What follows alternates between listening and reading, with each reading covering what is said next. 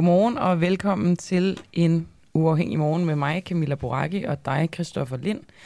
Og, øh, og måske skal vi starte med at sige, at øh, vi er ramt af massiv sygdom. Altså sygdom på et niveau, hvor man tænker, kan der blive flere syge? Det kunne da godt. Og derfor så, øh, så kan det muligvis mærkes en lille smule på udsendelsen. Det er selvfølgelig ærgerligt i kølvandet på, at man også kunne mærke det en lille smule på udsendelsen i går, hvor at øh, teknikken havde en form for nedsmeltning. Jeg håber, at I vil bære over med os, trods alt. Ja, jeg er kun halvsyg. Øhm, men, øh, Når du også er syg, simpelthen. nej, jeg, altså, jeg, jeg er syg. Hvor er det dejligt, du kommer alligevel, Kristoffer, for så kan du gøre mig syg, og så kan du også gøre vores producer Nej, jeg er, svedt, syg. øh, jeg, er, jeg er svedt ud nu. Jeg, jeg er klar. Øh, ikke smittende, er jeg sikker på. Og, øhm, og det skal jo lige siges, at ja, det er sådan lidt teknik og frem og tilbage. Men altså, programmet, vi har legnet op, det er, det er stærkt, synes vi da selv. Og øhm, noget af det, vi jo vi så på i, øh, i går, som vi vel godt kan kalde for en, øh, en afsløring her fra, fra den uafhængige, det er, at øh, Sommerland Sjælland simpelthen har haft kameraer hængt op i deres øh, forlystelsespark, som på ulovlig vis har filmet parkens gæster. Et af de her kameraer hængt op i parkens badeland. Og ja, det er noget, man kan få så sådan en, øh, en app, Camille. Man kan få sig en app, det ved jeg godt, du ikke kan, fordi du ikke har en uh, smartphone, men hvis man havde en smartphone, så kan man få en app, og så kan man fra den app overvåge det sted, hvor der står en vandkanon, og så hvis du for eksempel kom gående og så lidt irriterende ud, så kunne jeg sprøjte vand i hovedet på dig. Siger jeg til Christoffer, der lige nu forlader studiet af uansagelige årsager. Nå, men øh, i går, der satte vi som sagt fokus på det her, og jeg talte med øh, professor i medieret ved Syddansk Universitet, Sten Schamburg Møller, om at øh, det her, det er faktisk øh, ifølge ham ret utvetydigt ulovligt. Det er et brud på persondataloven. Det er jo lidt sådan en, øh, det kan være sådan en form for gråzone. Øh, fordi øh, det bliver et eller andet med, hvis man nu havde et meget afgrænset rum og havde skiltet enormt tydeligt, sådan så at folk øh, bliver bevidstgjort om, at der er overvågning, så kan de træffe et, øh, et oplyst valg. Men det var altså ikke tilfældet her. Og øh, der var der også flere af parkens gæster, som øh, var ganske utilfredse med det her. Øh, vores reporter Kasper Weber, han øh, talte i forgårs med et par af dem.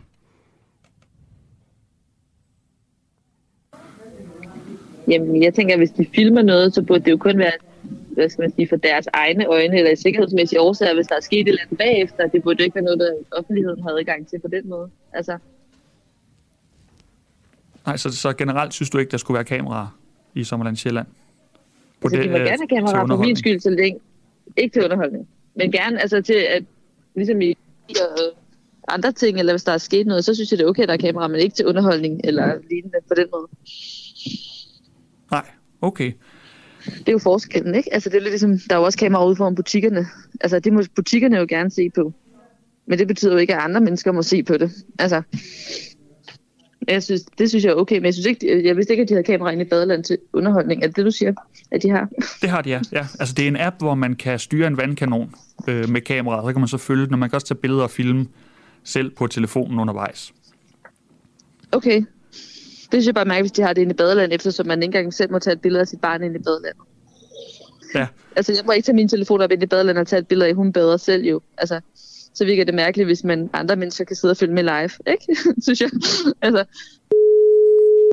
I selve sommerlandet rører det mig ikke, men i badelandet, der, der synes jeg ikke, det er, det er måske ikke... Øh, altså hvis, hvis det står der, at der er overvågning, der er offentligt tilgængelig, så har jeg ikke noget problem med det. Så ved jeg det.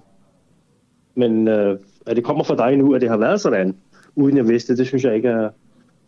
Det er ikke optimalt, synes jeg ikke. Det er ikke så fedt. nej, så du har ikke lagt mærke til noget skiltning eller noget, der, der gjorde opmærksom på, at man kunne blive filmet? Det har jeg ikke, nej. Om det er mig, der er uopmærksom, det skal jeg ikke kunne sige, men jeg synes, øh, den slags, specielt i disse tider her, der, øh, der skal det nok lige øh, gøres ekstra opmærksom på, vil jeg mene. Hvem har du, Jeg har ikke set det, nej. nej, hvem har du besøgt vandlandet sammen med? Det har jeg sammen med min kone og vores to børn. Ja, hvor gamle er børnene? Min datter, hun er 5 år, og min søn, han er 8 år. Ja. Øh, hvad, hvad siger du til, at øh, der er den her kamerafunktion, hvor øh, folk kan sidde og følge med over telefonen? Jeg, det, som jeg sagde før, det synes jeg ikke er særlig fedt. Øh, jeg synes, det er meget utilfredsstillende faktisk. Jeg kan, jeg kan ikke se, hvad, hvad, skulle, hvad skulle det gavne, at man kan sidde og kigge på badende gæster? Skrådstræk børn. Altså jeg kan fortælle, at det er fordi, man kan styre en øh, vandkanon, og så kan man skyde øh, fra sin telefon. Men man kan så også sidde og, og filme og, og følge med i, hvad Ja. der foregår. Jeg kunne godt, øh, jeg kunne godt forstå, at den der vandkanon, der står i midten, men jeg var ikke klar over, at man kunne sidde og at der var kamera og sådan noget på. Det var jeg slet ikke klar over. Hvad, hvad synes du, øh, Sommerland Sjælland skulle, skulle gøre for... Skulle de helt øh, fjerne den, eller skulle de gøre mere opmærksom på, at kameraet er der? Jeg synes, de skulle gøre opmærksom på, at, øh, at kameraet er der. Øh, og det skal de gøre ved indgangen. Og det skal stå med, med, med store bogstaver.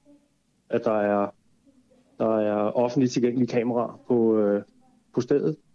Der kan, øh, det vil sige, jeg kan, jeg kan rent faktisk sidde hjemme i sofaen og, og sidde og kigge på badende gæster. Det synes jeg, de skulle øh, på en eller anden måde gøre, gøre opmærksom på, inden man går ind. Ask Hesby Krog øh, talte jeg med i går. Han er sekretariatschef i Foreningen Digital Ansvar, og han advarede mod, at øh, det her kamera i Sommerland Sjælland, det kunne misbruges. Jamen, jeg ser helt tydelige øh, problemer, og jeg kan godt forstå, at man, man i forhold til dem, om det er en afsløring, og det kan virke lidt øh, hø-hø og så videre, men, men det er jo et eksempel på, at øh, man, øh, man laver noget, som man tænker, noget teknologi, man tænker, det er egentlig meget sjovt og smart, og ikke tænker over øh, misbrugspotentiale, og det er der helt tydeligvis. Øh, Altså, jeg tænker jo også, og det kan være, at nu bliver det skide ubehageligt, ikke? men det her, det er et sommerland, det er, hvor der kommer børn, det er, hvor der kommer børn i badetøj. Altså, mm. Du ved godt, hvad jeg tænker ja. på lige nu, ikke? Ja, ja, helt bestemt. Og det er den anden, og det er også den første, og det er også den, det første, jeg tænkte, det var det der med, jamen, kan man, kan man zoome ind, og kan man decideret have sådan en, øh, en, øh, en, øh, øh, et, et, et øh, misbrugspotentiale for til simpelthen også at tage nogle, tage nogle billeder øh, af skærmen øh, i, af, af børn, øh, hvor man kan sige, at det her det er altså over det, hvor vi normalt vil sige, at, øh, at, at det er, er ulovligt simpelthen. Øh, og det, og det, det er jo svært at sige præcis, hvor, hvor, hvor, hvor, hvor, hvor, meget og hvor tæt man kan gå på. Man kan forstå, at der ikke er en zoom-funktion. Jo, jo, men, Men- men... jeg tænker da alligevel, det må da være slaraffenland. For nogen, der Det- godt kan lide at kigge på den slags. Helt bestemt. Og så spørgsmålet om, om det er decideret ulovligt, men i hvert fald de forældre, der er der med deres børn og skal nyde det her, som jeg mener er et, privat, et, et, et semi-privat rum, i hvert fald en privat setting, øh, de skal jo ikke have, være bange for, at deres, deres børn øh, bliver, bliver set på på den måde. Og det har man jo mulighed for, hvis du, hvis du nu tager på stranden, øh, og så du oplever, det er simpelthen ubehageligt, at der er nogen, der, der er for tæt på mine børn, eller et eller andet, så kan man jo reagere på det, men du har ikke muligheden her, du kan faktisk ikke følge med i, hvem der sidder og kigger på. Og Camilla, du øh, har talt med øh, juraekspert Sten Schaumburg øh, Møller, og øh, hvad siger han? Han siger, øh, som jeg også sagde i starten, at øh, det er ret utvetydigt ulovligt, denne her praksis. Øh, det er et brud på det, der hedder persondataloven. Øhm, så det er jo lidt interessant i forhold til, når vi har gjort øh, Sommerland Sjælland opmærksom på det, om de, øh, om de simpelthen vil fjerne denne her funktion, som jo, altså som de startede med at beskrive som, øh, som et sjovt tiltag. Nu har vi så fået endnu et skriftligt svar fra Sommerland Sjælland, nærmere bestemt øh, deres ejer og direktør Kåre Dybekær, øhm, som ikke har mulighed for at stille op til interview, selvom vi har prøvet et par gange. Men han skriver altså, vi har besluttet, at vandkanonen med webfeed i Vandland får afmonteret kameraet, så man kun kan skyde med den, når, den er i, når man er i parken, og kan se fysisk, hvem man skyder på. Vi går naturligvis lovligheden af systemet igennem og tager det enten ned alle steder, eller foretager de fornødne forhåndsregler. Det er ment som sjov og et ekstra lag til oplevelsen. Der er mange eksempler på live feed på nettet, for eksempel værstationer på havne, som også sender live med personer på. Men er det ikke lovligt, retter vi naturligvis ind og fjerner vores installation, så det kun er ved tilstedeværelse i parken, at man kan deltage i sjov og løg og bestilsner. Det er da meget interessant det her. Altså hvis det her er en praksis, der er lige så udbredt. Altså han får ligesom sagt, det er altså ikke kun mig, det her. Det er også steder som værstationer på havne. Det skal vi jo lige tjekke op på. Ja, jeg synes også, Camilla, det han jo siger med, at han ikke har mulighed for at stille op til øh, interview, men så sender sådan et svar på kritikken. Det er jo fint nok at få et, øh, få et svar, som du også har læst op her, så ved vi ligesom, hvad, øh, hvad han mener. Men jeg har altid lidt svært ved den der, har ikke mulighed for at stille op. Jo, du har. Ja, jeg synes i hvert fald, vi... Ej, okay, men jeg synes også, vi plejer at være fleksible i forhold til at sige anytime.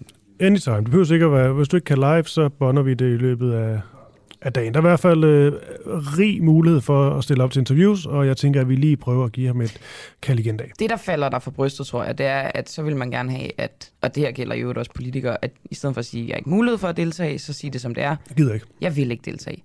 Og det er jo fair. Men ja, den form for ærlighed er jo altid øh, værdsat. Nå, Skal vi lige prøve sådan en lille, lille skiller og se, om hele teknikken virker? Jeg tror, det fungerer. Skal vi prøve? Yes. ej, så bliver man lige pludselig glad og tryg. Skal du øh, tage en enkelt nyhed, eller skal jeg måske bare lige fortælle, at i næste time, der skal vi undersøge, hvad der sker med de mange giftige er, øh, eternit-tag, der er på landets tomme minkfarme. Eternit-tag, hvad er det? Ja, det er i hvert fald nogen, der indeholder det, der hedder asbest. Og man kan sige, det er sådan en ting, hvor man tænker, åh, oh, oh, for det er ganske giftigt. Øhm, og de her tag, de udgør på den måde jo en potentiel giftbombe, hvis de ikke bliver taget ned. Altså når, hvis minkfarmen ikke skal op og køre igen, så skal de jo tages ned. Og hvis de ikke bliver nedtaget på rigtig vis, så, øh, så kan der altså øh, være en potentielt ret stor sundhedsrisiko med alt det her asbest. Og derfor spørger vi i dag, om de tomme minkhaller i Danmark nu udgør en reel sundhedsrisiko, som Mette Frederiksen endnu ikke har taget sig af.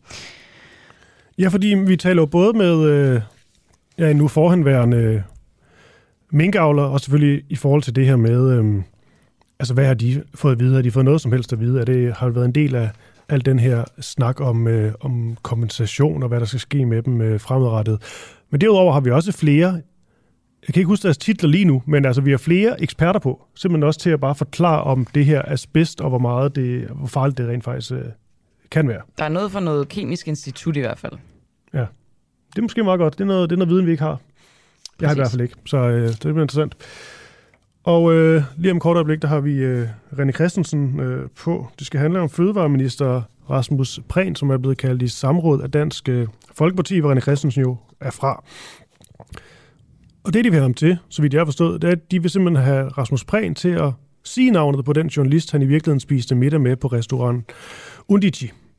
Det var også noget ekstrabladet, de afslørede før sommerferien, øhm, at det simpelthen var et øh, forkert navn, han havde skrevet på, øh, på bilag ød, og der er tale, tale om et øh, lukket samråd.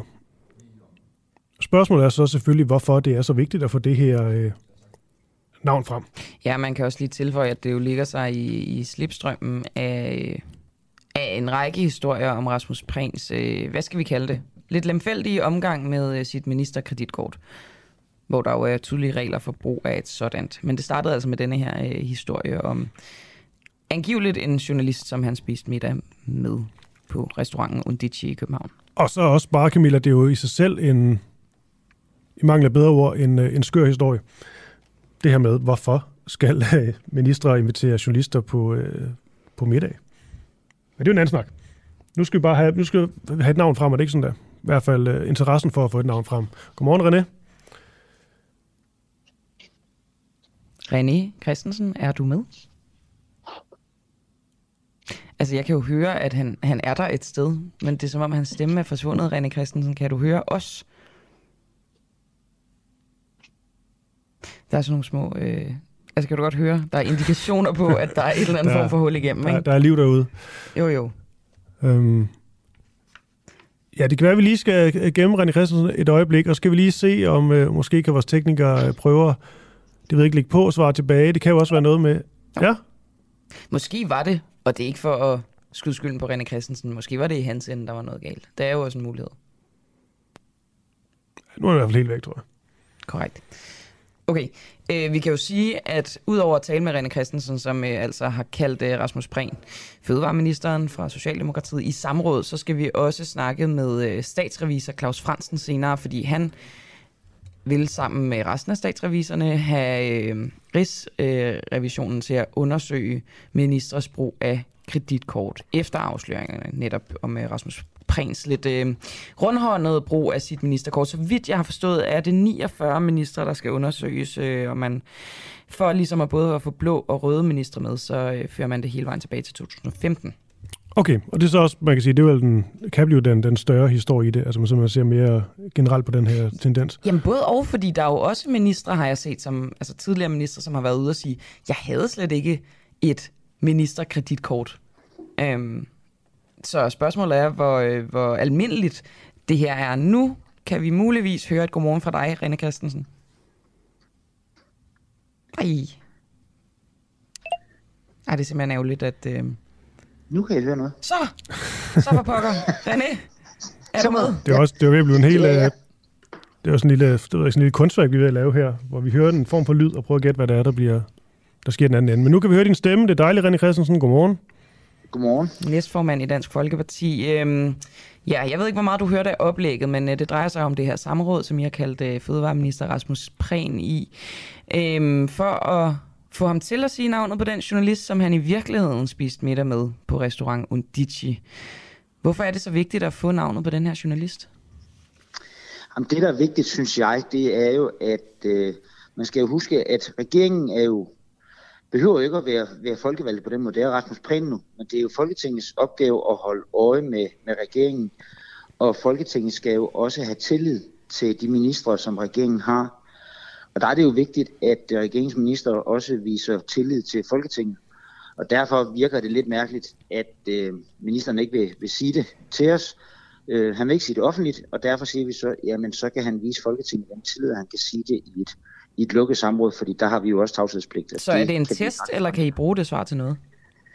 Vi kan ikke bruge det svar til noget. Altså hvis du ringer til mig efter samrådet og siger, hvad sagde han? Hvem var det?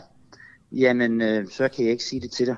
Øh, men det er jo altså også vigtigt, øh, at vi oplever, at ministeren sådan set også har tillid til Folketinget. Men det er bare lige for at forstå, øhm, er der ingen sådan vigtighed i, øh, i det her navn?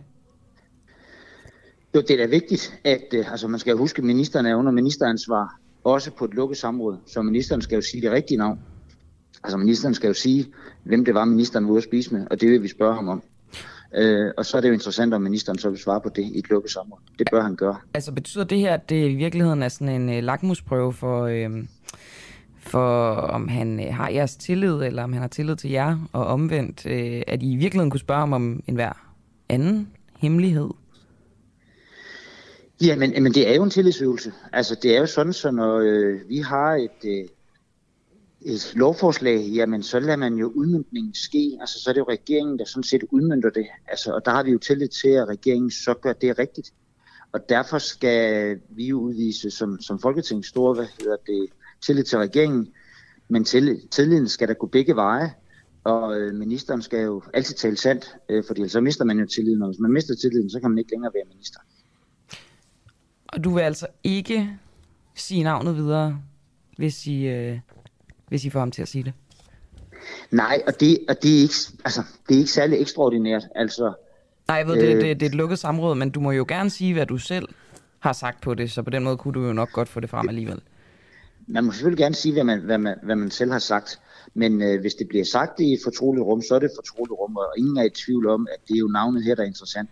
Men det, der synes jeg, der er meget vigtigt, det er jo, fordi der er jo masser af konspirationsteorier derude om, hvem den her øh, person kan være. Og hvad er det for en person, og hvordan kan det egentlig være, at man næsten vil sætte sin politiske karriere på spil for at sige, hvad det er for en journalist, man har haft hvad hedder det, frokost med. Det virker jo sådan lidt mærkeligt, og derfor giver vi så nu ministeren chancen for at sige det i et lukket samråd til os, og så kan vi jo udvise tillid til ministeren, eller, eller ikke. Okay. Hvad synes du egentlig sådan mere overordnet om det her med at som minister invitere journalister på, øh, på middag? Jamen altså et eller andet sted, så har jeg lige meget roligt med det. Man skal bare gøre det rigtigt. Altså det at, at være politiker og også at være minister handler også om kommunikation. Altså at man jo også taler til danskerne, hvad laver man? Og det er jo også vigtigt, at øh, man også kan have, man kan ikke sige fortroligt rum, men have sådan et rum, hvor man også kan tale med journalister. Øh, der er også mange journalister, der spørger mig ind imellem, kan vi ikke lige tale til baggrund, og så bliver man ikke citeret for det. Øh, og så siger man, Nå, hvad kan vi så få på bloggen, og så forklarer man så, hvad man gerne vil citeres for. Men tale til baggrund og, og, og spise middag, der er trods alt øh, en lille forskel. Er det, er det noget, du selv har gjort det her?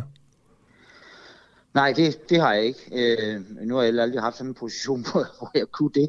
Men altså, jeg synes egentlig, det er okay, at, at minister også taler med, med journalister. Så kan man diskutere, om hvad det er for nogle middage, man skal være til, eller om man kan spise en frokost sammen, eller man kan komme op på kontoret og, og spise to stykker smørbrød. Der er selvfølgelig også en grænse for det, men det er der jo også regler for. Så hvis jeg nu øh, sagde til dig, René Christensen, vil du med mig ud og spise på restaurant Bar i aften? Hvad vil du så sige? så vil jeg sige, hvad, hvad, hvad er årsagen til det? Hvad er det, vi skal, hvad skal vi tale om? Altså, hvad er det, det Jamen, det, det, det, det, vil jeg, øh, det vil jeg forblive usagt imellem os. Jeg vil bare gerne give dig den her middag, og så, øh, så kan vi jo Ja, snakke det lidt skal sammen. man ikke. Det, det skal man ikke gøre. Men, men det er en middag med en journalist, det er et, øh, hvad skal man sige, det er et arbejds, altså, det er i, i forbindelse med arbejdet, der skal vide, hvad man går ind til. Øh, Så, så det vil jeg altid sige. Men altså, jeg spiser måske ikke med journalister, men jeg spiser det med organi- organisationer og sådan noget, og, og, og folk, der gerne vil fortælle, hvad, hvad det handler om, og de har nogle interesser og noget. Og man må jo bare sige som politiker, jeg har det jo sådan, alle må jo sige noget til mig, men jeg bestemmer jo selv, hvad jeg skal bruge det til. Klart. Altså, hvis du kan følge mig. Jeg Ja, kan ja. tale med alle mennesker, både dem, jeg er enig med, og dem, jeg er uenig med. Og kan det ske over en frokost? Det kan det godt. Men det skal jo ikke være hemmeligt. Altså, hvis jeg så har været ude at spise med dig, hvis jeg nu sagde ja til det, vi skal tale noget interessant, og så er min kommer og spørger, jeg så, du var inde og spise. Var det med, med radioen, den uafhængige? Ja, det var det. Så kan det godt være, at ikke vil sige, hvad vi talte om, men det skal da ikke være hemmeligt, at man har været ude. Det, øh, det giver mening. Tak fordi du var med, René Christensen, og øh, held og lykke med samrådet. Hvornår øh, løber det af staben? Ja, altså det er jo sådan, så at de har ikke været ret hurtige til at svare, så de har faktisk ikke svaret endnu. Jeg har jo jeg sendt det over med det samme her først på ugen her, og de har desværre ikke fundet tid til det endnu. Så det kan jo også godt være, at de går og venter lidt på, om der ikke snart bliver et valg, men jeg håber virkelig, at vi kunne få det her samråd øh, igennem først, fordi det er også øh, det er ret principielt det her med, at øh, Folketing og regering skal arbejde godt sammen, og det skal vi også gøre fødevareudvalg.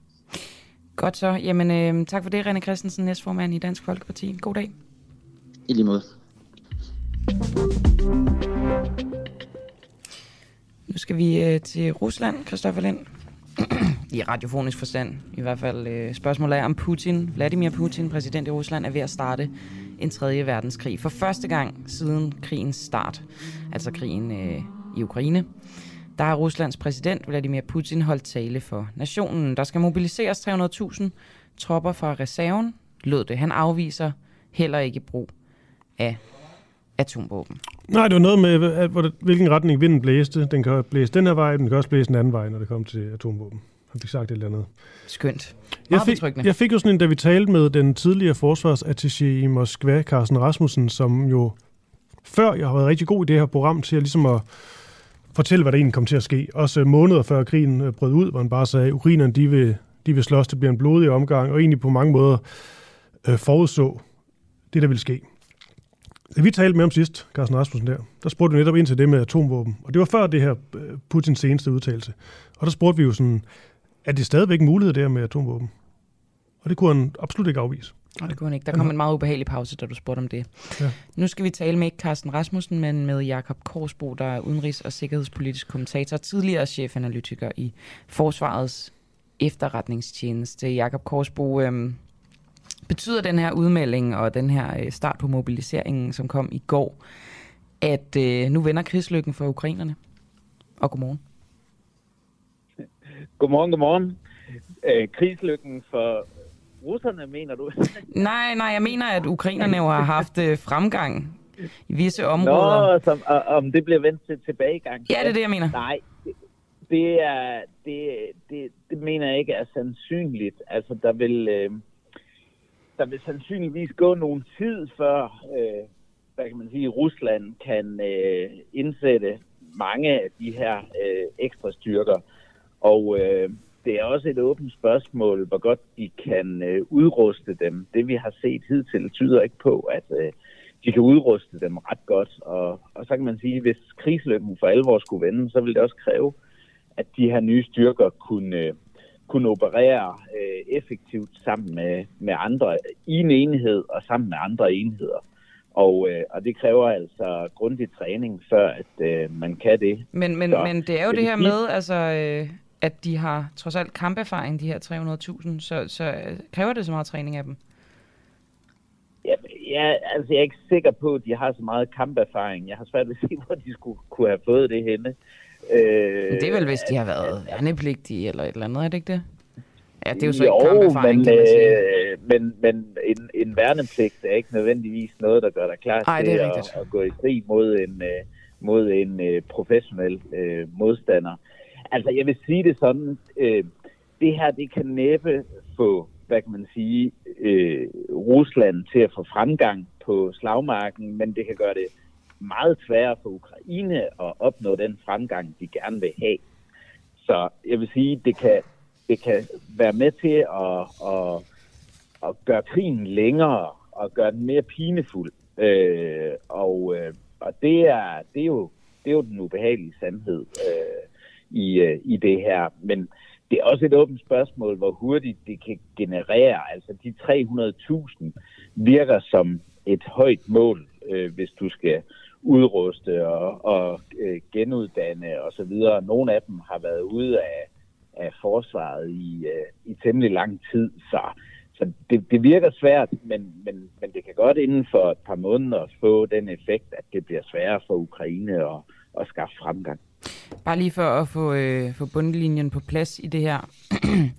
Så er det korrekt forstået, at øh, han varsler nogle folkeafstemninger i øh, nede i Donbass-regionen, som gør, at han kan øh, indkalde den her reserve?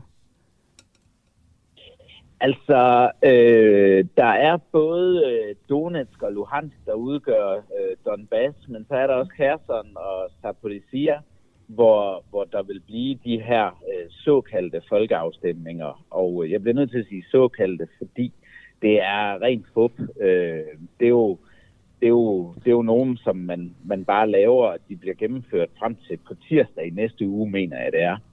Øh, og øh, og man, man kan sige, ja, øh, formelt set giver det øh, Putin og regimet et fint blad for at sige, jamen, nu opererer vi jo i selvforsvar, fordi de her øh, nye republikker vil være en del af Rusland, og derfor kan vi godt sende øh, værnepligtige eller indkaldte ud øh, og forsvare vores land. Men hvordan, øh, altså det er jo, det er jo det er din ja. analyse, Korsbro, men det, altså, det kan du vel i princippet ikke vide, at den er, den er falsk, den afstemning, eller de afstemninger?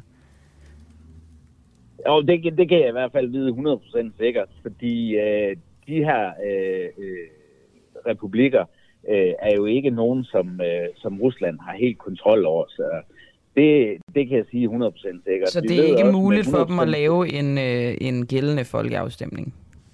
Det er ikke muligt, og det må du heller ikke gøre, når du holder et andet land besat.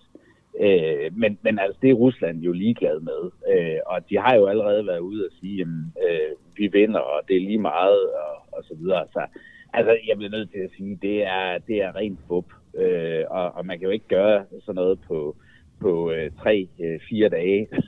altså, det kan man jo ikke. Så, så øh, det, det, det er jo bare, det er bare noget, de orkestrerer.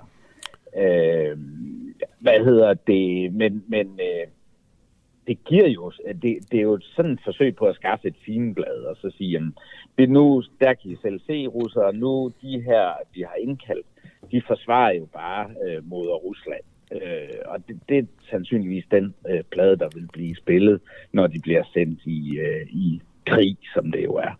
Ja, Korsbo, øh, mange har talt om, at det Putin øh, han sagde, det var sådan den mest øh, utvetydige, direkte sådan trussel om øh, brugen af atomvåben. Altså, de ligesom bliver nævnt og sådan noget med, hvilken retning vinden blæser, den kan også blæse en anden vej. Hvad, øh, hvad, ja. hvad var det, du hørte? Jo, men altså, øh, det er jo øh, selvfølgelig et forsøg på at, at stramme skruen øh, og få Vesten til at blinke øh, og, og gøre os bange for at støtte Ukraine yderligere.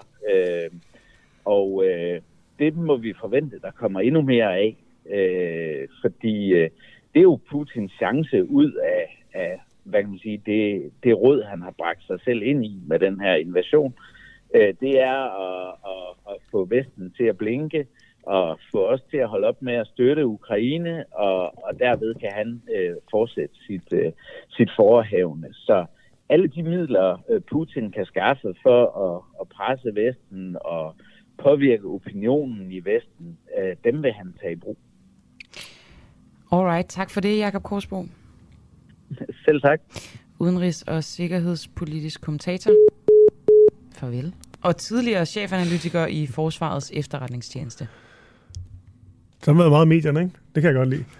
Det, det har han også. Altså, det, det tænker jeg nogle gange på. De der sådan faste Rusland-Ukraine-eksperter. Mm. Laver de nogensinde andet ja. end at turnere rundt på øh, DR og P1 og TV2? Og Men det er også sjovt, fordi man jo nærmest har fået sådan en personlig øh, forhold til dem. Ja, ja. Hej, Korsbo. Hvad så? Ja. Claus Mathisen, gamle ven. Hvad så? Jamen, jeg så faktisk det der, hvad hedder det, krigens støjen med, med Kim Bilsø, det er jo tilbage nu.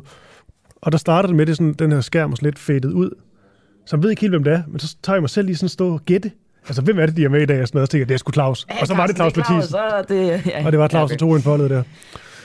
Ja, men øh, vi, øh, vi husker jo også øh, lige at spørge ind til, øh, hvor de har deres oplysninger fra. Det er også noget, vi sætter, sætter rigtig meget fokus på. Vi har også tandholdt med i, øh, i mandags, tror jeg, tror jeg, det var. Altså det med, at så siger alle medier, det var, det var massegrav, der var. Det var det faktisk måske overhovedet ikke.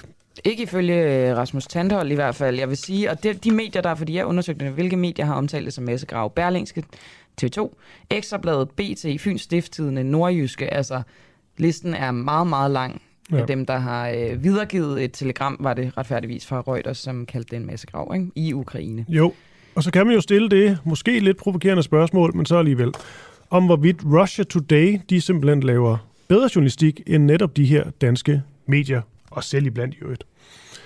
Fordi, øh, som du nævner her, så flere danske medier har de seneste dage berettet om fundet af massegrave i den ukrains, ukrainske by Isium.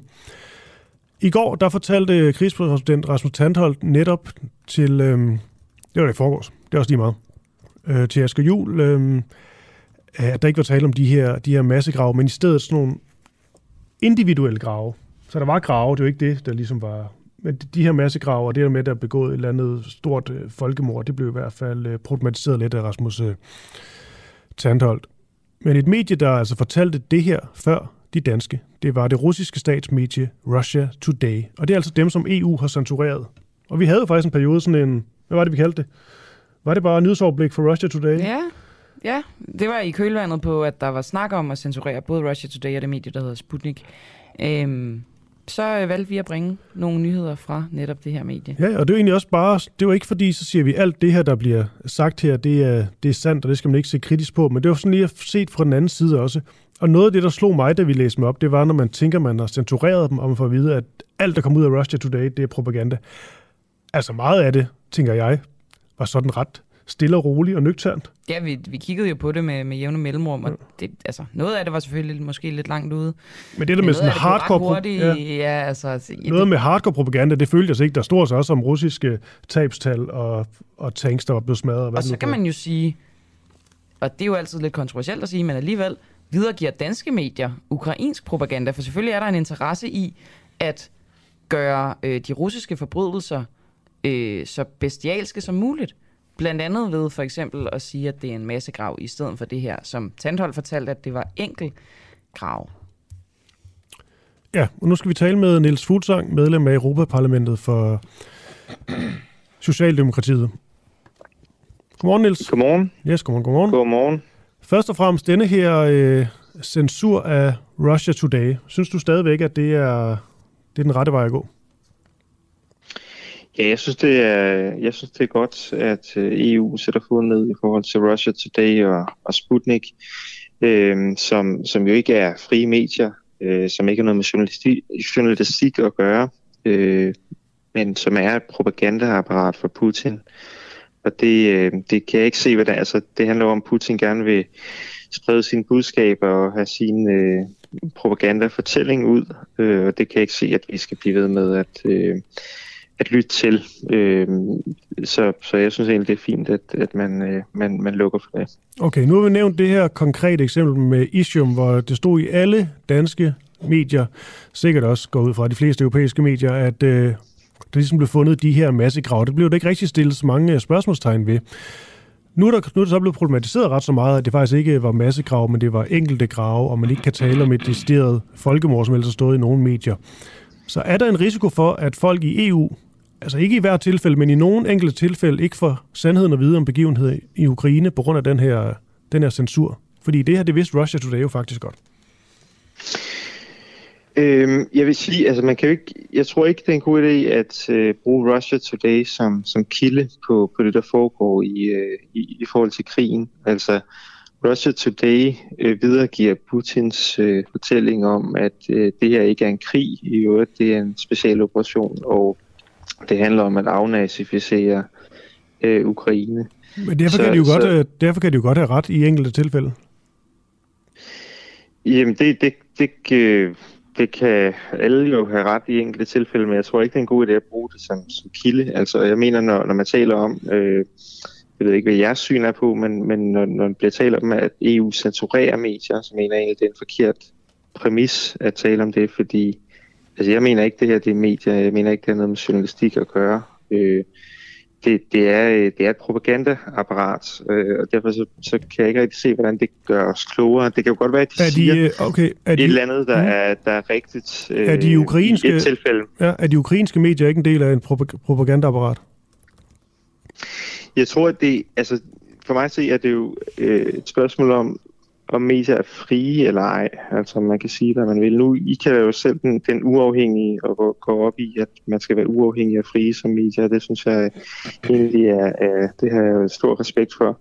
Men I er vel enige med mig i, at det, det har ikke så meget med frie medier at gøre, det der foregår i Rusland, og, og, og det er ikke så meget med journalistik at gøre. For mig så i hvert fald. Jeg ved ikke, hvad I synes om. Nej, men det er jo heller ikke forkert at sige, at, øh, at Zelensky, han... Øh, han ligesom har samlet alle, alle medier til sådan en samlet tv-station, som øh, kun må lave tv ud fra, fra det styret, de, de siger. Og der er også blevet lukket flere medier, de mente var for russisk øh, venligsindet. Altså det med at tale om totalt sådan åbne, frie medier i Ukraine, det tror jeg der også er sådan lidt farligt. Jo, men jeg tror bare, at det her det er i høj grad en informationskrig. Altså det er jo en krig, men det er også en informationskrig øh, for Rusland. Øh, hvor, hvor der bliver spredt til fake news, som åbenlyst er, er forkerte. Øh, og det, det synes jeg ikke, der må vi ikke være sådan naive. Altså det har foregået i øvrigt en, i en årrække, hvor øh, Rusland har spredt fake news om Brexit og det amerikanske valg osv. Og, og, og, og, og det, bliver, det bliver Rusland så ved med. Og jeg kan, ikke, øh, jeg kan bare ikke se, hvorfor vi skal blive ved med at lytte på det der. Altså, det er jo ikke et spørgsmål, hvis man læser Russia Today eller Sputnik, øh, så får man jo ikke noget at vide om, hvad den russiske befolkning mener. Man får noget at vide om, hvad Putin mener. Og det kan man jo også få at vide, hvad lytte til hans taler, som bliver gengivet i dag i det danske medier. Niels Fuglsang er medlem af Europaparlamentet for Socialdemokratiet, og altså en, der går ind for den her øh, censur af de her to russiske statsmedier. Du siger, at øh, det gør du blandt andet fordi, at du øh, kan ikke se, hvorfor man skal støtte øh, Øh, medier, som øh, er i lommen på staten, og som øh, udgør, udgiver propaganda. Man kan sige, at danske medier, de er ikke i lommen på staten, men mange af dem bliver statsstøttet, og nu kan vi se sort på hvidt, at de også videregiver det, man godt kunne mistænke for at være ukrainsk propaganda, er medier som TV2, EB, BT, Fyns Stifttiden, er de også propagandamedier? Nej, det synes, jeg, det synes jeg ikke, det er. De bliver jo støttet af staten. Det, er rigtigt. det synes jeg ikke, der er noget galt. Men hvad er forskellen, synes, hvis de også kommer med en form for propaganda, så bare med ukrainsk farver på? Nå, men der er vel den sådan ret relevant forskel, at, at Rusland for eksempel siger, lovgiver omkring, at man ikke må omtale det her som en krig, og hvis man gør det, kan man komme i fængsel og så videre. Men hvis vi nu bare tænker information og propaganda, hvad de vil. Ja, altså der, der synes jeg, at det er en ret væsentlig forskel, at danske medier må rapportere om, hvad de vil, og det gør de jo at også kritisere både regeringen og, og oppositionen osv. Det kan man jo ikke i Rusland. Altså man kan ikke, man kan ikke tale om den her krig som en krig. Øh, så, så kan man komme i fængsel for det. Så, så jeg synes, der er en, øh, der er en meget stor forskel. Øh, og, og i øvrigt så videregiver de jo Putins øh, narrativ, altså en til en, det kan man jo ikke rigtig, øh, synes jeg trods alt, øh, anklage danske medier for at øh, være med, øh, være videregive Mette Frederiksens narrativ. Nej, men måske synes, der er Volodymyr Zelenskis narrativ øh, i en eller anden udstrækning her, altså det her eksempel med, at, øh, at, at jeg vil sige, samtlige danske medier skriver, at det er en masse grav, og øh, der får vi så øjenvidende beretninger på, at det er ikke tilfældet. Er det ikke propaganda? Jamen det er det muligvis, øh, og derfor tror jeg, jeg tror, at det er jo, det er jo helt klart, øh, altså både Ukraine og Rusland øh, fører en, en informationskrig, og derfor skal vi også være kritiske over for øh, det, som, som ukrainske medier øh, kommer med, og det, det har man måske ikke været tilstrækkeligt. Altså, det kan vi jo så ikke finde Nej, ud af. Men, så men det tror jeg bare ikke, jeg tror bare ikke, vi bliver klogere på det ved, at, øh, at så begynde at rapportere Sputnik, eller, eller man kan sige, man kan godt rapportere om Sputnik, men at sige, at så skal Sputnik sende i Europa og fortælle os, hvordan det virkelig hænger sammen, fordi det er jo, det er åbenlyst ikke øh, et særligt sandfærdigt billede. De men kunne man censurere øh, nogle af de ukrainske medier, som øh, altså ligesom fører tilbage og sige, det, det er ikke det skal ikke være lovligt at videregive noget, der kommer fra ukrainske medier, eller fra altså Volodymyr Zelensky, uden at man ligesom, øh, at man tager sig sine forholdsregler? Det synes jeg ikke. Øh, jeg synes, altså, vi vil opfordre til, at, at medier ligesom er kritiske, og det tror jeg, de fleste medier har en interesse og et mål om at være. Og det er jo pinligt for medierne, at, øh, at man videregiver sådan nogle oplysninger, øh, som, som ikke, hvis, hvis de ikke er sande. Men jeg synes, at det, det der er specielt ved Rusland, er, at de, altså, de har igennem en længere tid det russiske regime ført en øh, misinformationskampagne øh, i forhold til øh, i forhold til os, i forhold til Vesten, i forhold til at påvirke vores valg, og også i forhold til, til den her krig, der foregår. Øh, der er mange steder, og, og det synes jeg ikke, vi kan stå model til længere. Der er mange steder i verden, hvor medier øh, er, ikke er frie, og øh, hvor der bliver spredt fake news, men jeg synes, det, er sådan, det virker som en målrettet indsats fra Putin, fra Kreml, øh, i forhold til at, at, at føre en kampagne øh, med misinformation mod os og påvirke os. Og, og, og det synes jeg ikke, vi skal fortsætte med at lytte til. Ja, det sidste, Niels Fuglsang. Vi har før haft øh, fokus på, på det her, blandt andet med de ukrainske medier, hvor det ikke var svært at finde det, man kan kalde for øh, fake news på, på moderne dansk.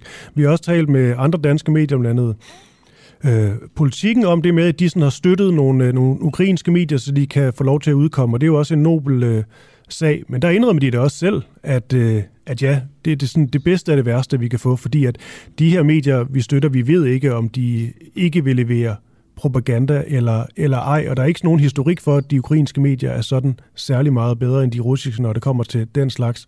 Så mit spørgsmål er egentlig bare, det her med at censurere Russia Today og ikke censurere eksempelvis ukrainske medier, er det egentlig ikke bare, og det er jo fair nok, fordi at man håber, at Ukraine vinder krigen? Øh, nej, jeg, jeg synes, det, det er et spørgsmål om, at, øh, at vi har set, at, at Rusland gennem Russia Today og Sputnik og andre øh, andre medier, som de har, som jeg så ikke vil kalde medier, men andre kanaler, de har, øh, de altså fører en, en sådan målrettet kampagne mod os øh, og spreder fake news om krigen. Og det er klart, øh, det, det skal vi ikke blive ved med at lytte til. Det er rigtigt, at Ukraine, altså jeg har jo ikke studeret sådan nærstuderet de ukrainske medier, men jeg tror helt på jer, når jeg siger, at øh, der også foregår øh, problematiske øh, historier og fake news osv., og, og krig er i høj grad en informationskrig også. Mm. Øh, men jeg synes, altså, det, Rusland øh, er en, en, en noget stærkere part i det her, og, og har, har vist, at de er villige til at, øh, at bruge det her som et aktivt, et aktivt våben gennem en længere periode øh, i forhold til os. Og det er derfor, jeg synes, det, det, øh, det må stoppe. Jeg synes, det, jeg synes, vi risikerer at være for naiv, at vi, hvis vi fortsætter med at sige, jamen vi øh, alle kan bare komme og fortælle deres øh, gode røverhistorier her i, i Europa, fordi det påvirker os. Altså det kan også godt påvirke, hvad der så ender i på sociale medier i Danmark og øh, også i medierne i Danmark. Niels Fuglsang, øh, nu vil lige have dig. Øh, så øh, tillader jeg mig lige at skifte spor, fordi i forgårs der havde vi et interview med din partikollega Marianne Vind, som kunne fortælle os, at hun nærmest har oplevet at blive frosset ude og fået en sådan slags mundkur på, fået mindre taletid i parlamentet, fordi hun er uenig med, øh, hvad skal man sige, jeres bloks linje i forhold til mindsteløn. Og det vil jeg egentlig bare høre, har, har du også øh, oplevet det samme? Jeg ved, du, øh, du deler holdning med, med Marianne Vind. Øh, nej, det har, jeg, det har jeg ikke oplevet. Øh, Marianne er jo ordfører på, på sagen for os. Øh, og derfor har hun beskæftiget sig mere med den. Mm. Men, øh, men jeg har nu ikke oplevet at, øh, at, øh, at blive frosset ude på nogen måde. Altså, jeg synes egentlig, vi har et, et godt samarbejde. Men der er nogle sager, som, som for eksempel mindsteløn, hvor vi jo står anderledes end vores kollegaer. Øh, fordi vi, vi som et af de eneste land, lande sammen med Sverige, jeg synes, at, at det er en dårlig idé.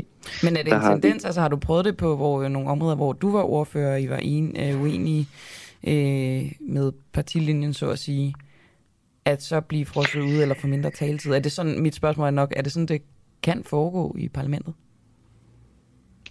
Er det sådan, om det, sådan, det foregår i parlamentet? Ja. Det, hmm, nej, det Eller synes jeg ikke generelt. Er, øh, det synes jeg ikke generelt. Er. Jeg vil sige, jeg har ikke oplevet, nu, nu er jeg selv ordfører på sager, der handler om klima, energi og, og skat, skattely, og der, der, er så, der er vi rimelig enige. Øh, men, øh, men nej, jeg synes ikke generelt, det er sådan, det foregår i parlamentet. Hvis man kan sige, at, at vores gruppe går ind for det med mindsteløn, og derfor vil de måske ikke sætte en person, der så er modstander af mindsteløn, til at øh, hvad kan man sige, være talsperson for gruppen på det område.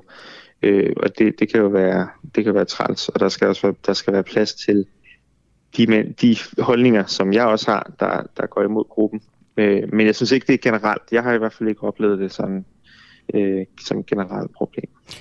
Altså, tror du, hun føler sig forfulgt? Altså, overdriver hun her?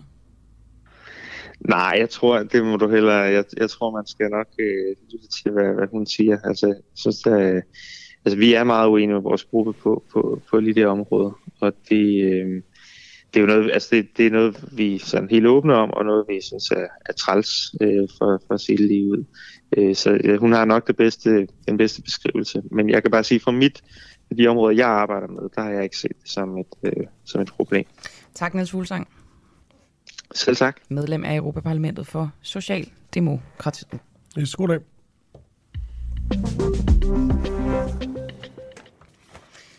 Hvad er klokken, Camilla? Ah, men det er jo også på en måde at kaste mig ind under bussen og spørge mig om det. Nå, undskyld, den er, den er 7.47. Det er fordi, jeg troede, du kunne se uret. Nej, nej, ingen kan se Nå, tak. det. er bare, og nu, altså, det, det er jo ikke godt, at du bringer endnu en af vores øh, øh, tekniske, hvad skal man sige... Øh, Nej, jeg skal lige sige, vi har jo selvfølgelig ur på vores øh, computer og telefoner og sådan noget, men øhm, det er fordi, det plejer at være sådan et ur lige foran os. Ja. Og så troede jeg, det var gemt bag den her skærm, men nej, det er den så ikke. Så bliver det sådan et, øh, et cirka-tidspunkt, når vi siger farvel. Det kan også et eller andet. nu har jeg lige googlet et verdensur. Klokken den er 7, 47, 42. Jeg synes, det var spændende, det interview her, men øhm, vi skal også videre til, øh, til noget, noget ganske andet. Forlader lige øh, Rusland-Ukraine-krigen og skal tale om en øh, meget omtalt passagerafgift på 13 kroner. Spørgsmålet er, om det er nok til at finansiere den grønne omstilling i dansk indrigsflyvning. Jeg så lige en politiker fra Enhedslisten i går øh, være ude og sige, jeg ville have ekstra ingefær i min juice i dag. Det kostede 14 kroner. Det, Det er også en sindssyg det er en pris. krone dyrere end flyafgiften. Det tror jeg, hun selv synes var sjovt. Det er også meget sjovt. Men jeg synes... Jeg så, jeg så også det der på Twitter. Men jeg, det eneste, jeg tænkte, det var bare, "Hold kæft, det er dyrt. 14 kroner for eks, ekstra ingefær. Det er jo inflationen, Christoffer. Ej, det der var en eller anden vanvittig dyr juice, går på. Hvad var det for en? Det ved jeg ikke, men jeg har jo lyst til at sige Joe and the Juice. Og vi er et frit medie. Så jeg siger, det er sikkert Joe and the Juice. De tager fandme nogle høje priser. Ja. Nå, tilbage til øh, passagerafgiften på de 13 kroner. Altså, regeringen er kommet med et forslag om at indføre en passagerafgift på 13 kroner på flybilletter til finansiering af grønne indrigsflyvninger. Ja, og hvis det udspil det, øh, det bliver til noget, så skal opgaven om at levere 100% grøn flybenzin i ud, benzin hedder det, i udbud, og øh, det hele skulle så gerne munde ud i, at en eller anden indrigsrute i Danmark er 100% grøn i 2025, og at alle er det i 2030. Og øh, det her grønne flybenzin, det er så vidt jeg har forstået det her med, at man ligesom tager øh, energi fra øh, vind og solceller, og så øh, spalter man det ned i noget vand, og så opbevarer man det i noget brint, og så kan flyene altså bruge det som grønt brændstof. Okay, Det vil jeg bare lige flashe, at det, det var jeg har kigget lidt ind i Power to X. Nu har vi ikke øh, billede på i dag, men ja, du sad faktisk bare og kiggede på mig og sagde alt det her. Det, det synes jeg er flot.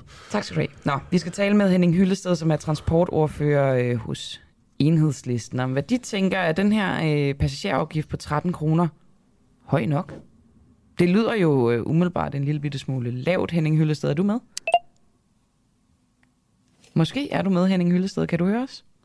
Jeg kan godt høre jer, ja. Godmorgen, transportordfører ved Enhedslisten. Øhm, 13 kroner for Mhm. mm. en øh, passagerafgift øh, per rejsende. Kan det sørge for en 100% grøn indrigsflyvning i 2025, som jo er ambitionen? Det øh, mener regeringen jo. Ah, de, de vil skaffe en grøn rute i 2025, men de mener jo, at man så for 2030 kan flyve grøn indrigs. Ja, det har de jo så lavet det regnestykke på. De har så at sige regnet tilbage, og så er de havnet på 13 kroner. Men det er, det er efter vores mening i hvert fald voldsomt, voldsomt øh, uambitiøst, fordi det fører jo ikke til adfærdsændringer hos folk. Altså, vi synes jo, at, at øh, det er jo et formål at få os få dæmpet flytrafikken, så længe den er så forurenet, som den er. Det er de mest forurenede transportformer, vi overhovedet har. Men, og det hjælper det ikke på med 13 kroner. Men det er jo spørgsmålet om, øh, fordi der er jo ligesom to incitamenter for det her. Dels er en finansiering af nogle grønne indrigsfly, dels øh, at øh, presse folk til at flyve mindre. Hvad er vigtigst?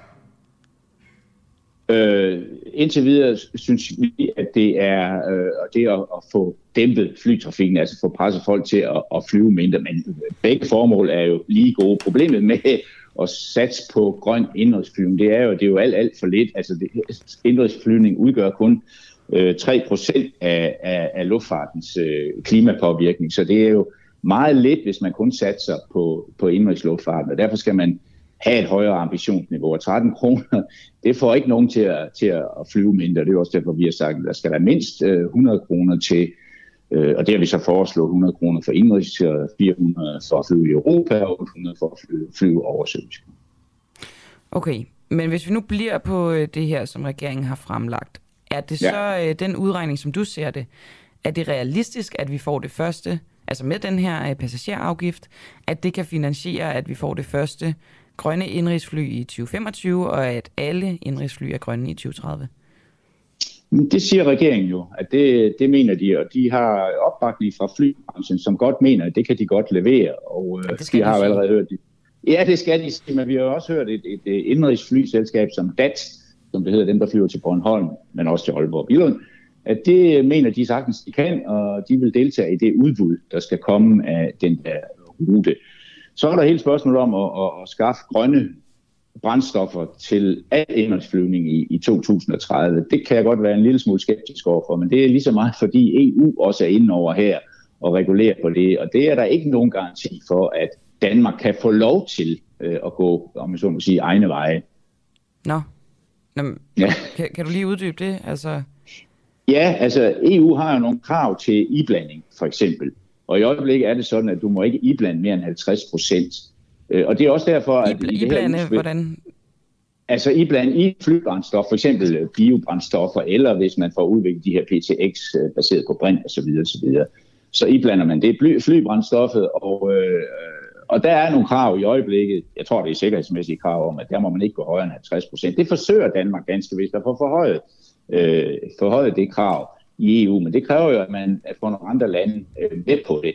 Og det, er, det blev øh, Mette Frederiksen faktisk advaret imod inden hendes nytårstale. Det her stammer jo fra nytårstalen, at ja, det, det var ikke det, sikkert, det kunne lade sig gøre. Nej, det husker vi alle sammen, men uh, Henning Hylsted, ja. du beklager, hvis det bliver sådan lidt uh, petitesseagtigt, men når du siger at blande, altså betyder det så, at der er en regel om, at der ikke må være mere end uh, 50 procent uh, grønt brændstof i det brændstof, som flyet flyver på, det vil sige, det er en 50-50, altså sort og grønt brændstof. Ja, ja, Jamen, så, ja, er det jo ikke, så er det jo ikke grønne indrigsfly.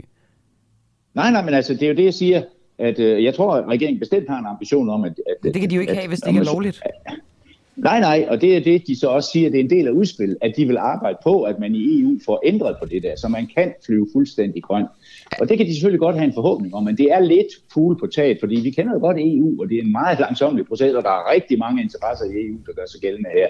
Så om det bliver til noget, det vil jeg da se. Men ambitionen, kan man sige, det er faktisk ikke noget. Men stadigvæk, det handler kun om indrigsluftfart, og det er en meget, meget lille del, som jeg sagde, 3% af den klimapåvirkning, der kommer, kommer fra. Så, og, og vi har jo gerne set, at man var gået meget videre og, og også satse på at få nogle adfærdsændringer hos folk, så man flyver mindre simpelthen. Og det kan man ikke påstå, at en afgift på 13 kroner hjælper med på.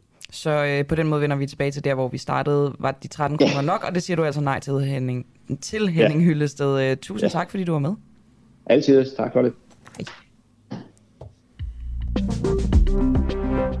Jamen, det skal vi da lige sende øh, Christian Henriksen eller Clara Vind. Det er faktisk Christian Henriksen, der typisk er på klima.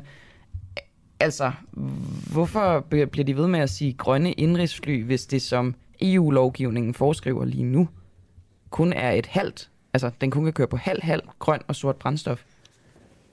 Det er jo rigtigt nok, hvad Henning Hyllested siger. Altså, det der med at lige få ændret EU-lovgivning, det er da ikke det nemmeste i verden.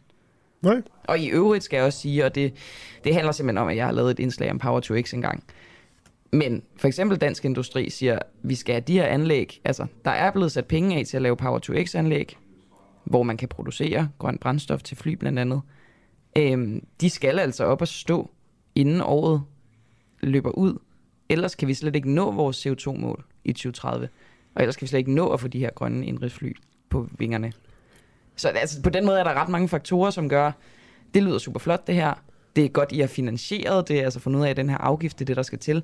Men hvis der er sådan nogle der altså ja. obstacles, så, så kan det vel være ligegyldigt. Men det er jo min, det er jo min og os andre her på den uafhængige kæppes nummer et, det er jo de der, de der mål. Og ser så pæne ud på papiret. Og så har man regnet sig lidt frem til, at det kan godt lade sig gøre i det og det og det det er bare meget sjældent, det rent faktisk lykkes. Så bliver det 25, og så bliver det 30, og så nåede man det ikke helt, men så havde man visionen og ambitionen om at nå derhen, og så var det et godt skridt på vejen, og så er det det, man tager. For der er aldrig nogen konsekvenser. Nej, og det ved jeg godt, og det er jo sådan, jeg kan også høre, det er, det er dine erfaringer og din sunde skepsis, der taler, men her der er det jo konkret. Hvis lovgivningen ikke er der fra EU's side, hvordan kan man så stå og love det? Fordi man tænker, at man kan Ja, man starter lidt, øh, man starter lidt frisk ud her, ja, det, hvis det er rigtigt. Det synes jeg er en god beskrivelse. Det synes jeg, vi skal efterfølge. Vi har du kun for en hyldested lige nu, ikke? Jo, jo, altså Henning Hyllested siger det her med, at det er, Henning Hyllested kan selvfølgelig heller ikke lide EU. Lad os lige kigge ind i EU-lovgivningen, om det er rigtigt, det han siger, at der er et krav om, at det skal være 50% sort og 50% grønt. Det er jo sikkert også fordi, altså jeg ved ikke, om du ville sætte dig op i det første fly, som fløj på 100% grønt brændstof, Kristoffer. Det, det vil jeg helst ikke være testperson for. Nej, det er jo, altså, heller ikke et elfly. Der vil jeg også lige vente lidt. Er det det? Men der tror jeg slet ikke, der findes så store batterier, man kan lave. I hvert fald ikke et passager-elfly. Ja, de er på vej. Jo, vi havde et indslag om det, hvis du hørte med. Hørte med. Jeg hører ikke med, når jeg ikke selv er. det gør jeg. Øhm, nå, spændende. Nej, men det skal lige sige smeltefly, der er rigtig, rigtig lang vej, før det overhovedet kan lykkes. Ja. Men den der sådan, øh, sådan en København-Aalborg-rute, det er sådan det, man, øh, man arbejder på. Og øh, altså, der er ambitioner om, det godt kan, kan lade sig gøre. Ja, men, men, men sådan hvis... længere flyvninger og Altså, det kan godt lade sig gøre, men det er så dyrt og besværligt, at lige nu giver det ikke sådan nogen mening overhovedet. Men det er noget, der bliver arbejdet og set, uh, set meget på. Interessant. Ja, ja. Nu skal jeg stille et spørgsmål, Camilla, som jeg aldrig troede, jeg skulle stille. Er klar? Okay, ja, det er Dummer vi os, når vi omtaler en hanhund som den? Nej. Okay, det var meget lavet derovre fra. Nå. Jeg synes, den er meget fornærmende og upersonligt. Netop som om en hund bare er en genstand. Således skriver en hundeejer inde i et hundeforum, som Marianne Ratche, hun har været inde og, og besøg, og Marianne Ratche, hun er seniorforsker og arbejder med sprognævnets øh, nyordsbog, nye ord i, øh, i dansk. Og sådan lidt en, en go-to, hvis der er et eller andet ord, man ikke lige forstår, hvorfor bliver brugt, eller har et spørgsmål til, om det bliver brugt øh, forkert, hvorfor nu er formuleringen således. Så er det, så er det Marianne, man, man går til, og skal hun lige øh, forklare det. Godmorgen. Oh. Godmorgen, Marianne Ratje. Godmorgen. Seniorforsker og øh, altså en, der arbejder med sprognævnets nyårs, nyårsbog, øh, nye ord i dansk. Ja, lad os lige kaste os øh, lige ud i det, Marianne. Bør vi omtale hunde som deres køn i stedet for som den? Ja, det synes jeg jo som hundeejer, at vi gør. Ja. Tænker du, at vi har det måske lidt for godt i Danmark til, at øh, vi tre nu åbner denne her diskussion om, hvorvidt vi skal bruge kønnede pronomener til hunde? Ja, der er der ikke nogen tvivl om, at der er meget vigtige emner at tale om. Men nu var det jo øh, også ment som en joke, at jeg øh, pakket et mere alvorligt emne ind øh, i min klumme. Altså det, den egentlig handlede om, det var kønsneutrale pronomener og kønsneutralt sprog. Og så synes jeg lige, at, at der skulle være noget lidt, lidt sjov også, og derfor så sparkede jeg det der ind med min hund og, og hans, øh, hans øh, kønspronomen ind. Så det var, øh, det var egentlig sjov. Okay. Altså var der så ikke en fli alvor over det, det med hunden? Jo, eller var det? Ja? Oh, det var der også. Det ja. var der også. Okay. Ja. Men hvis vi så tager den, øh, trods alt den større, mere alvorlige øh, diskussion, hvad var det så, din, øh, din hovedpointe var med det her? Jamen, det var fordi, jeg havde været på en, øh, en øh, konference om, om kønsneutralt sprog, og så fortalte jeg om, øh, hvordan man i forskellige lande øh, kommer omkring det her øh, emne. Altså i Danmark øh, bøvler vi jo med med hvilket øh, pronomen man skal bruge, ikke? Øh, og hvordan øh, vi i Danmark er, er sådan lidt i tvivl om, øh, eller ikke i tvivl om, fordi efterhånden så har vi jo fundet ud af, at det skal være de, man bruger, øh, når, når, når man er non-binær og, og skal bruge et, et pronomen. Øh, hen har ikke rigtig øh, vundet indpas, så det er efter engelsk forbillede de, man, man bruger. Øh, I andre lande der bøvler man også med at, at skulle have forskellige endelser på, øh, på forskellige øh, ord. Øh, så det, det kunne være meget værre. Det var sådan set det, der var min pointe. Ja, fordi nu øh, går jeg bare lige et, øh, hopper lige tilbage til tyskundervisningen. Der mm. husker jeg det meget tydeligt, at det var, var det de der eller das, altså om det så var hunkøn, hankøn eller intet køn. Det, det er der på vel noget mere kønnet, end det er her, her til lands. Ja, lige præcis. Altså i, i romanske sprog som øh, fransk og spansk og italiensk, der har man jo altså også køn øh, på, bag på, på, øh, på ordene, så det hedder øh, latino og latina og så videre. Der er man simpelthen nødt til at, at, at bruge et, et x, hvis man skal, øh, altså så det hedder latinx, øh, hvis, hvis man skal, skal afkønne det. Øh, og det giver jo nogle problemer med, med udtale og så videre. Ikke? Øh, hvor man i den helt modsatte grøft øh, i kinesisk og finsk simpelthen ikke har køn på pronomenerne, så der har man det til gengæld meget nemt. Øh, så det er meget forskelligt fra sprog til sprog, og det var det, der var spændende ved den her konference, international konference, at det, det er meget forskelligt. Men, øh, men ser du nogen sådan, land. ja, ser du noget, altså problem i eksempelvis, nu tager vi øh, øh, Tyskland, hvor det måske øh, til er noget mere kønnet, eller er det mere fordi, at du også bare tænker sådan rent lavpraktisk, at det er, det er noget mere besværligt? Det er nemmere bare med, med den til det hele. Øh, nej, jeg ser ikke noget problem i det. Det var bare sådan rent lavpraktisk, mm. eller det, det var spændende for mig at finde ud af, at der er forskel på, hvordan sprogene er bygget op, ikke? Alt efter, øh, eller i forhold til det her med det, med det kønnede, at øh, der er nogle, nogle sprog, der har mange problemer, eller ikke problemer, men, men har mange øh, meget kønnede sprog, og derfor oplever udfordringer, når det skal afkønnes. Så der er nogle sprog, som ikke har særlig meget køn, og derfor ikke har så mange udfordringer, når det skal afkønnes. Mm. Så øh, sådan opsummerende, hvis vi tager øh, her til lands, øh, har, vi det, har vi det nemt eller svært? Ja, vi ligger sådan midt imellem. Ikke? Vi har ikke så meget køn, men vi har dog lidt køn. Og, og nogle øh, i, i, i, i kinesisk og finsk, der har de det nemt, og i de romanske sprog, som tysk eller som fransk og, og spansk og italiensk, der har de det ret, ret besværligt. Okay. Og hvor mange hunde var det, du havde? En eller flere? Jeg har en, ja. Og øh, er det han, hun eller den? Det er han. Det var han. Ja, det var det. det giver det god mening. Det gør det. Mm. Ja. Marianne Ratje, det er, jo egentlig, det er jo egentlig bare det, og vi tænker nok, der også lå noget mere seriøst øh, bag. Men mm. øh, det er jo en god måde for folk til at lige spære øjnene op, tror jeg. Fordi jeg tænker, hvis ja. man også skal til at, til at tale om køn i forhold til, øh, hvad man må kalde ens, øh, ens kæledyr, så kan folk godt øh, få op på sofaen, det er jeg ret sikker på. Ja. Nå, men øh, du er seniorforsker, og du arbejder altså med sprognævnets nyordsbog. Nyordsbog, det var svært at sige. Nye ord i dansk. Tak mm. for det. Det var så lidt. Hej. Hej. Man havde jo, altså det talte vi også om øh, i går, Camilla, at vi jo, vi vidste jo godt, at det var en større diskussion, vi ligesom, ligesom ville lægge op til, og, og det her med øh, en provokation af, at man skal kalde sit, øh, man skal titulere sit, øh, sit dyr men det havde været lidt, lidt skønt, hvis hun virkelig, stod, altså virkelig mente det, ikke? Altså mente at... Oh. Jo. Ja, undskyld. Jeg, jeg, jeg, det havde der sat gang i folk. Jeg er forsvundet et andet sted hen, fordi jeg har set, hvor koldt det er i Midt- og Østjylland. Ja. Det er minusgrader. Mm. Er det ikke vildt? Jamen, det, det synes jeg bare, jeg er lidt i chok over. jo, jo, det er, det er, det er jo så, hvad skal jeg sige? I Horsens blev der målt minus 1,1 grader, og temperaturen er igen her til morgen krøbet helt ned til lige under frysepunktet på en minus 0,3 grader. Hmm. Det er da voldsomt koldt. Altså det, okay, jeg tror, det, det er for første gang, jeg går meget sådan op i vejret. Det er simpelthen fordi, at jeg er...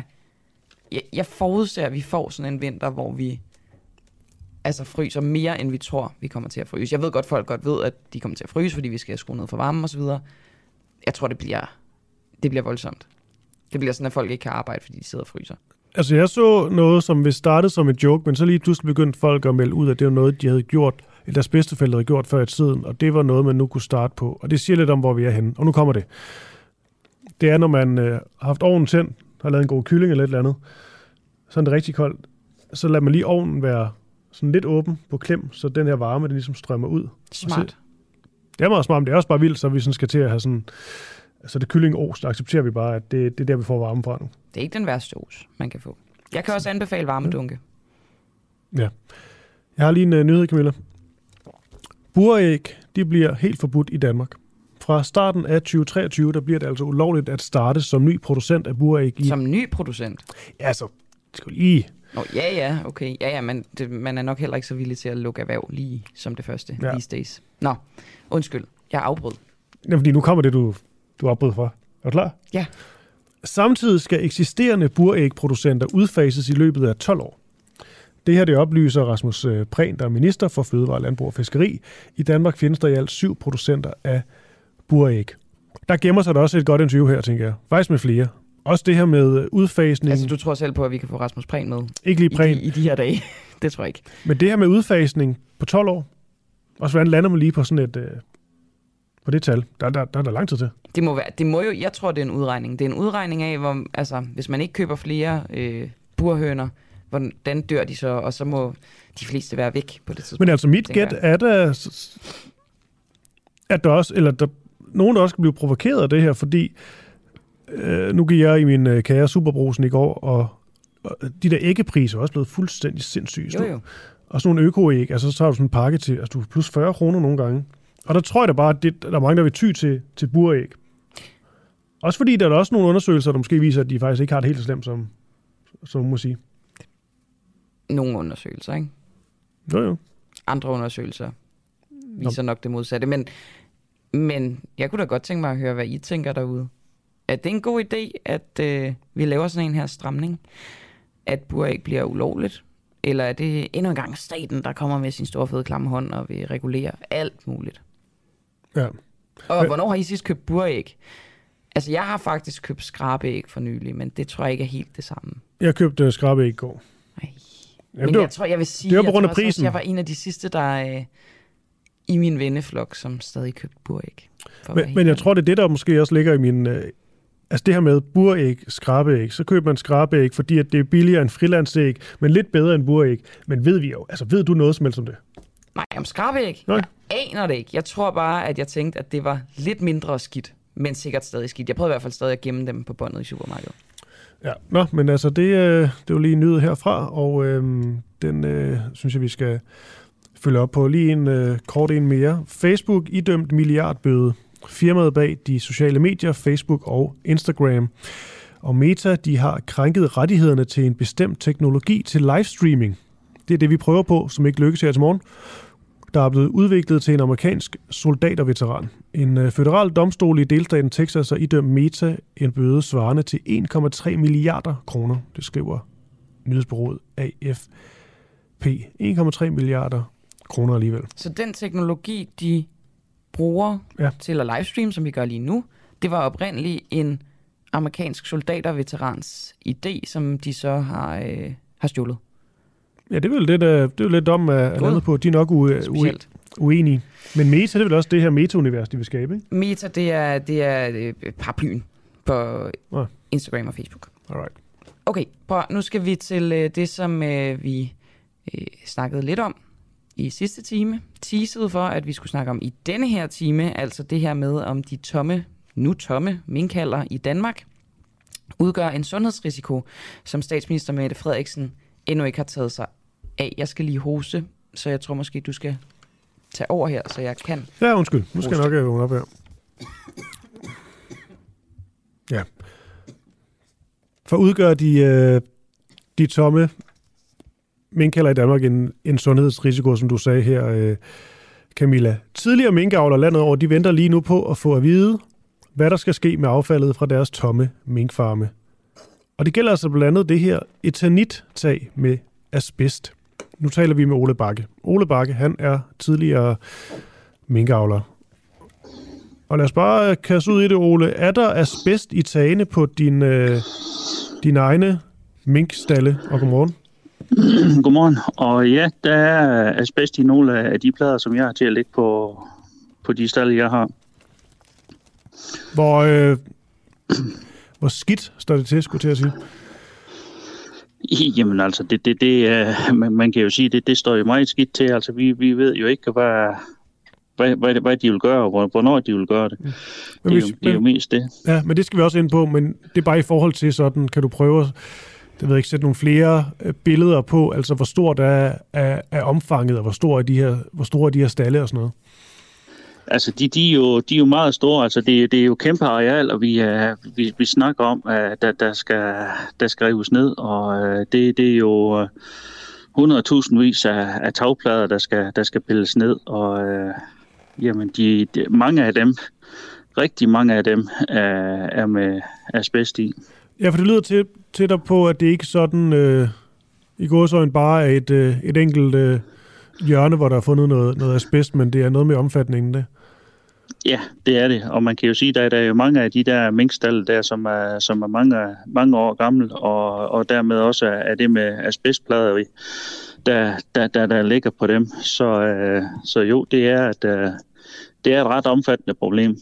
Ja, og det er jo, det er jo sundhedsskadeligt, så det er selvfølgelig noget, man skal, skal til livs. Og der er jo så nogen, der skal have det, have det fjernet, går ud fra. Og du var lidt inde på det her, at øh, det måske er det gode spørgsmål. Altså, hvem skal, skal fjerne det?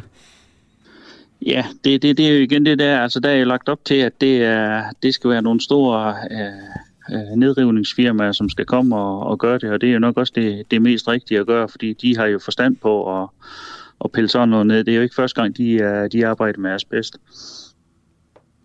Nej, men det lyder da, det lyder da meget godt. Så er det bare lige, hvem der ja. skal betale regningen måske. Det, det er jo igen det der. Det er...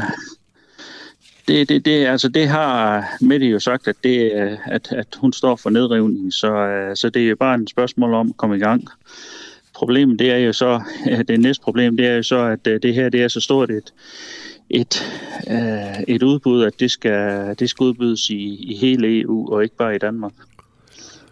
Okay, men det her med sådan noget som, øh, som asbest, altså er det noget, der er blevet drøftet og, og talt om som et, øh, et eventuelt øh, problem, som også er en del af den her, den her problematik med at lukke erhvervet? Nej, det, nej det, det, det har det ikke, fordi altså det, det, det, det kan man jo sige, det, det har jo ligget underordnet i, at det der, når man nedriver mm øh, alle minkalderne i, øh, i Danmark, jamen så, øh, så, er der, så er der asbest i det. Okay. Men øh, er, for dig er der så et... Øh, det lyder sikkert på, på dig, som om der er et, et problem i det her. Er det så det med, at øh, I ligesom ikke ved, hvornår det kommer til at ske? Ja, det, det er jo mest den der tidshorisont der, som vi, som vi alle sammen går og venter på. Uh, hvor, hvornår begynder der at ske noget, og hvornår er vi færdige? Øh, men man kan jo sige, at øh, man, man går hver dag og kigger på de der tomme minkhaller og, og, og tænker, jamen, hvad, kunne ikke bare komme i gang med at rive, rive dem ned, og så, og så få det fjernet, og så få det væk. Ja. Man kan jo sige, at hver gang man kigger på en tom minkstal, jamen, så, så mindes man jo de, de gode dage, der, der, der er jo mink der i den. Ja. Øhm, men, men i forhold til dig, og sådan noget som... Øh din personlige sundhed, og fordi der er jo en sundhedsrisiko forbundet med det her. Altså er du udsat, eller er du trods alt så, øh, så langt fra det sådan på... Altså det er jo, ikke ud fra, at du går rundt konstant i de her øh, nedlagte minkstalle.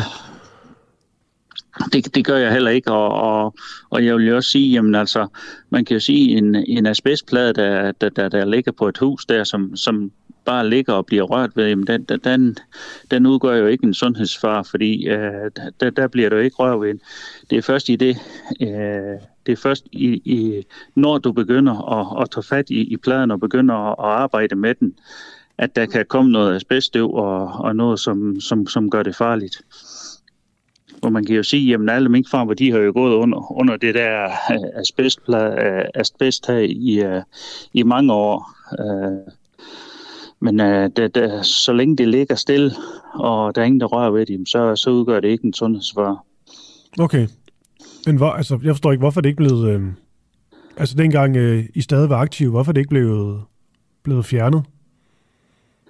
Jamen, så, så, så skulle vi jo have, have, have noget nyt tag på. Altså, du, du mener skifttaget? Ja.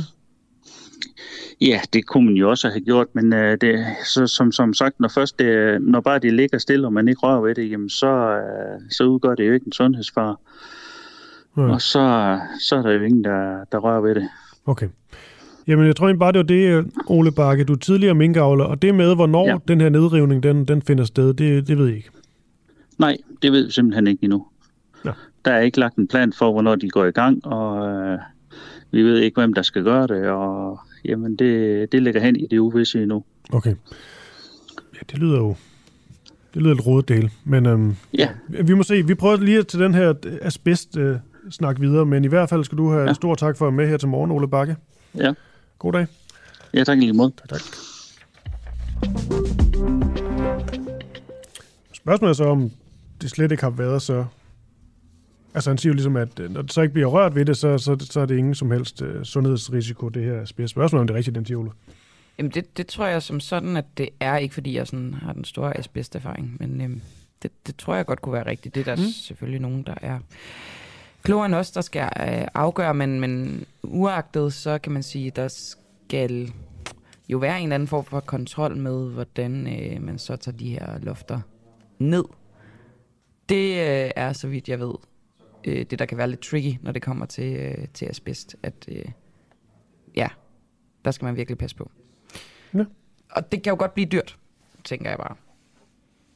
For Mette Frederiksen, når hun siger, hun vil tage sig af det, at, at det er helt tydeligt, synes jeg, øh, som Ole Bakke egentlig også siger, at lige i forhold til det, der skal ske og nedrivning og sådan noget, så er det noget som asbest og sådan noget, ikke rigtig sådan været en del af kalkylen. Mm, præcis. Nå, hvem skal vi med nu?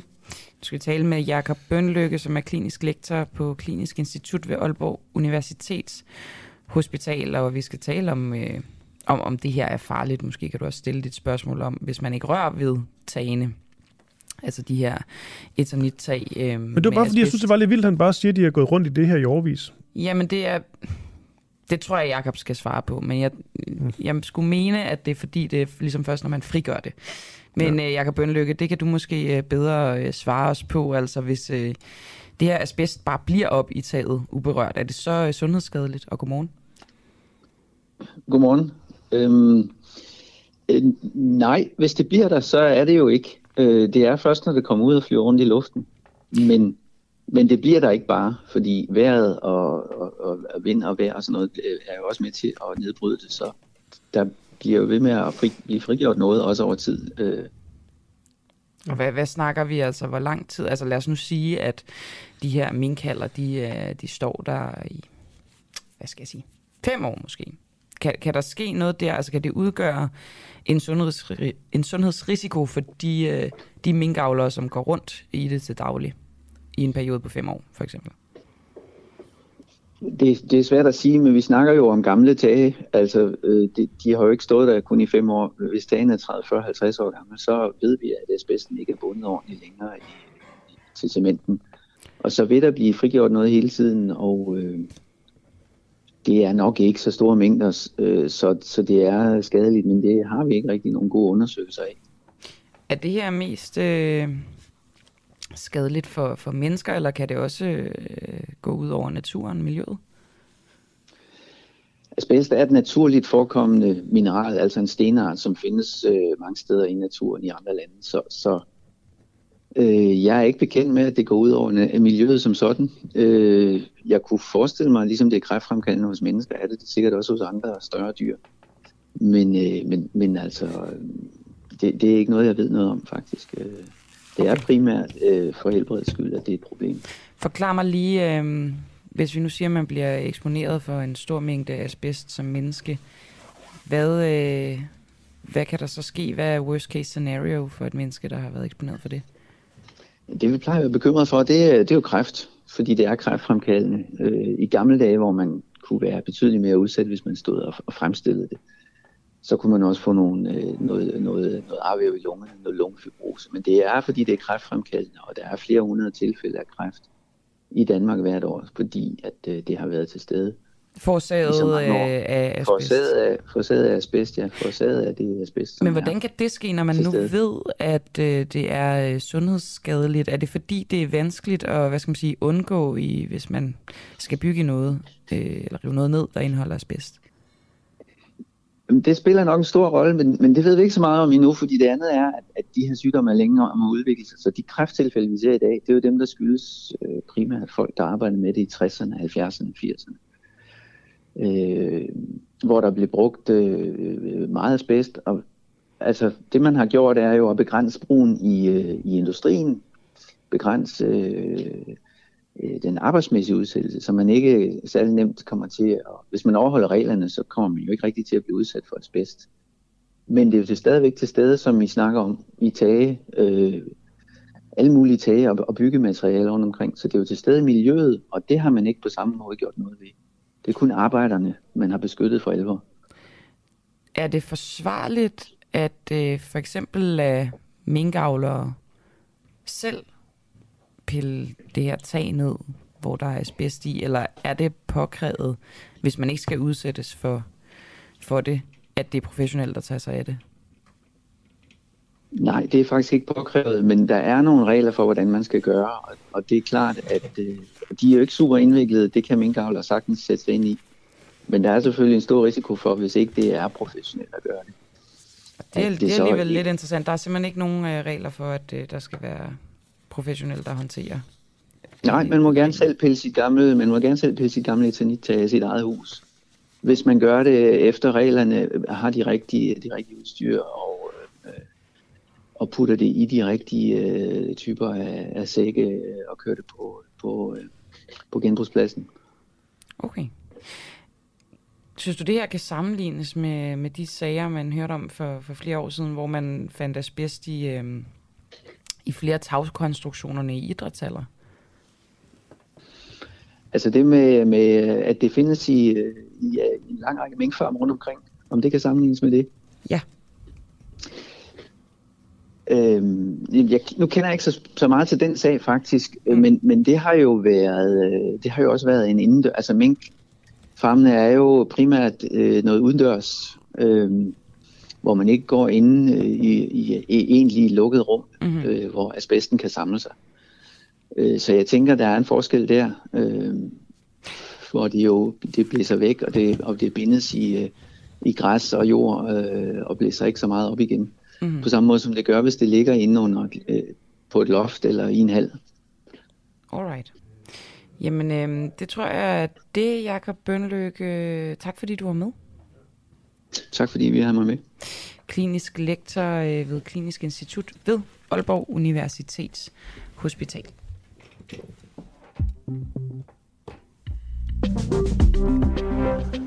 Det var lige før, du sagde, øh, sagde godmorgen og farvel allerede der, Camilla, med den jingle, du satte på. Altså, Men øh, vi har altid nu.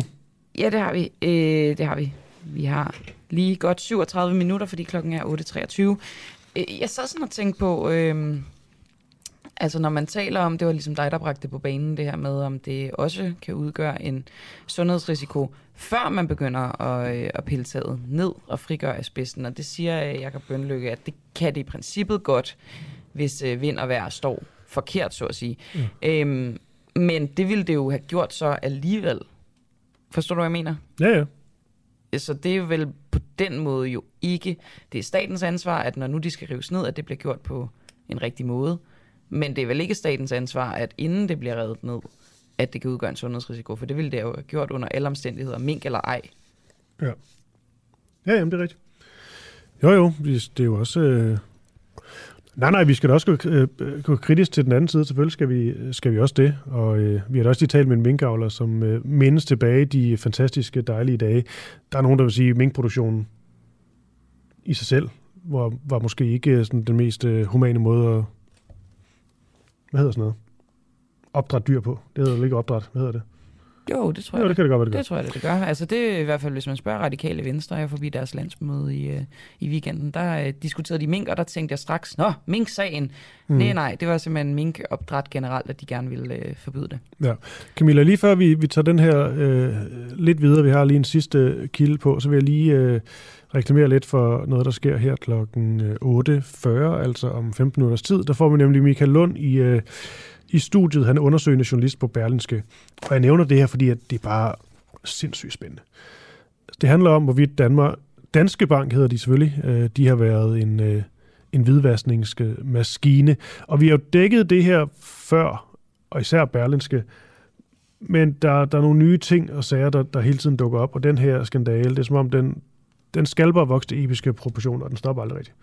Og nu er det vist noget med, at nogle af de største, altså dem, der havde fået de største beløb igennem hvidvaskemaskinen i Estland, altså Dan- Danske Banks filial i Estland, de skulle være blevet dømt, eller i hvert fald øh, blevet sat for en domstol, og det skal Michael Lund altså øh, fortælle om. Ja, lad os lige få et tal på plads her.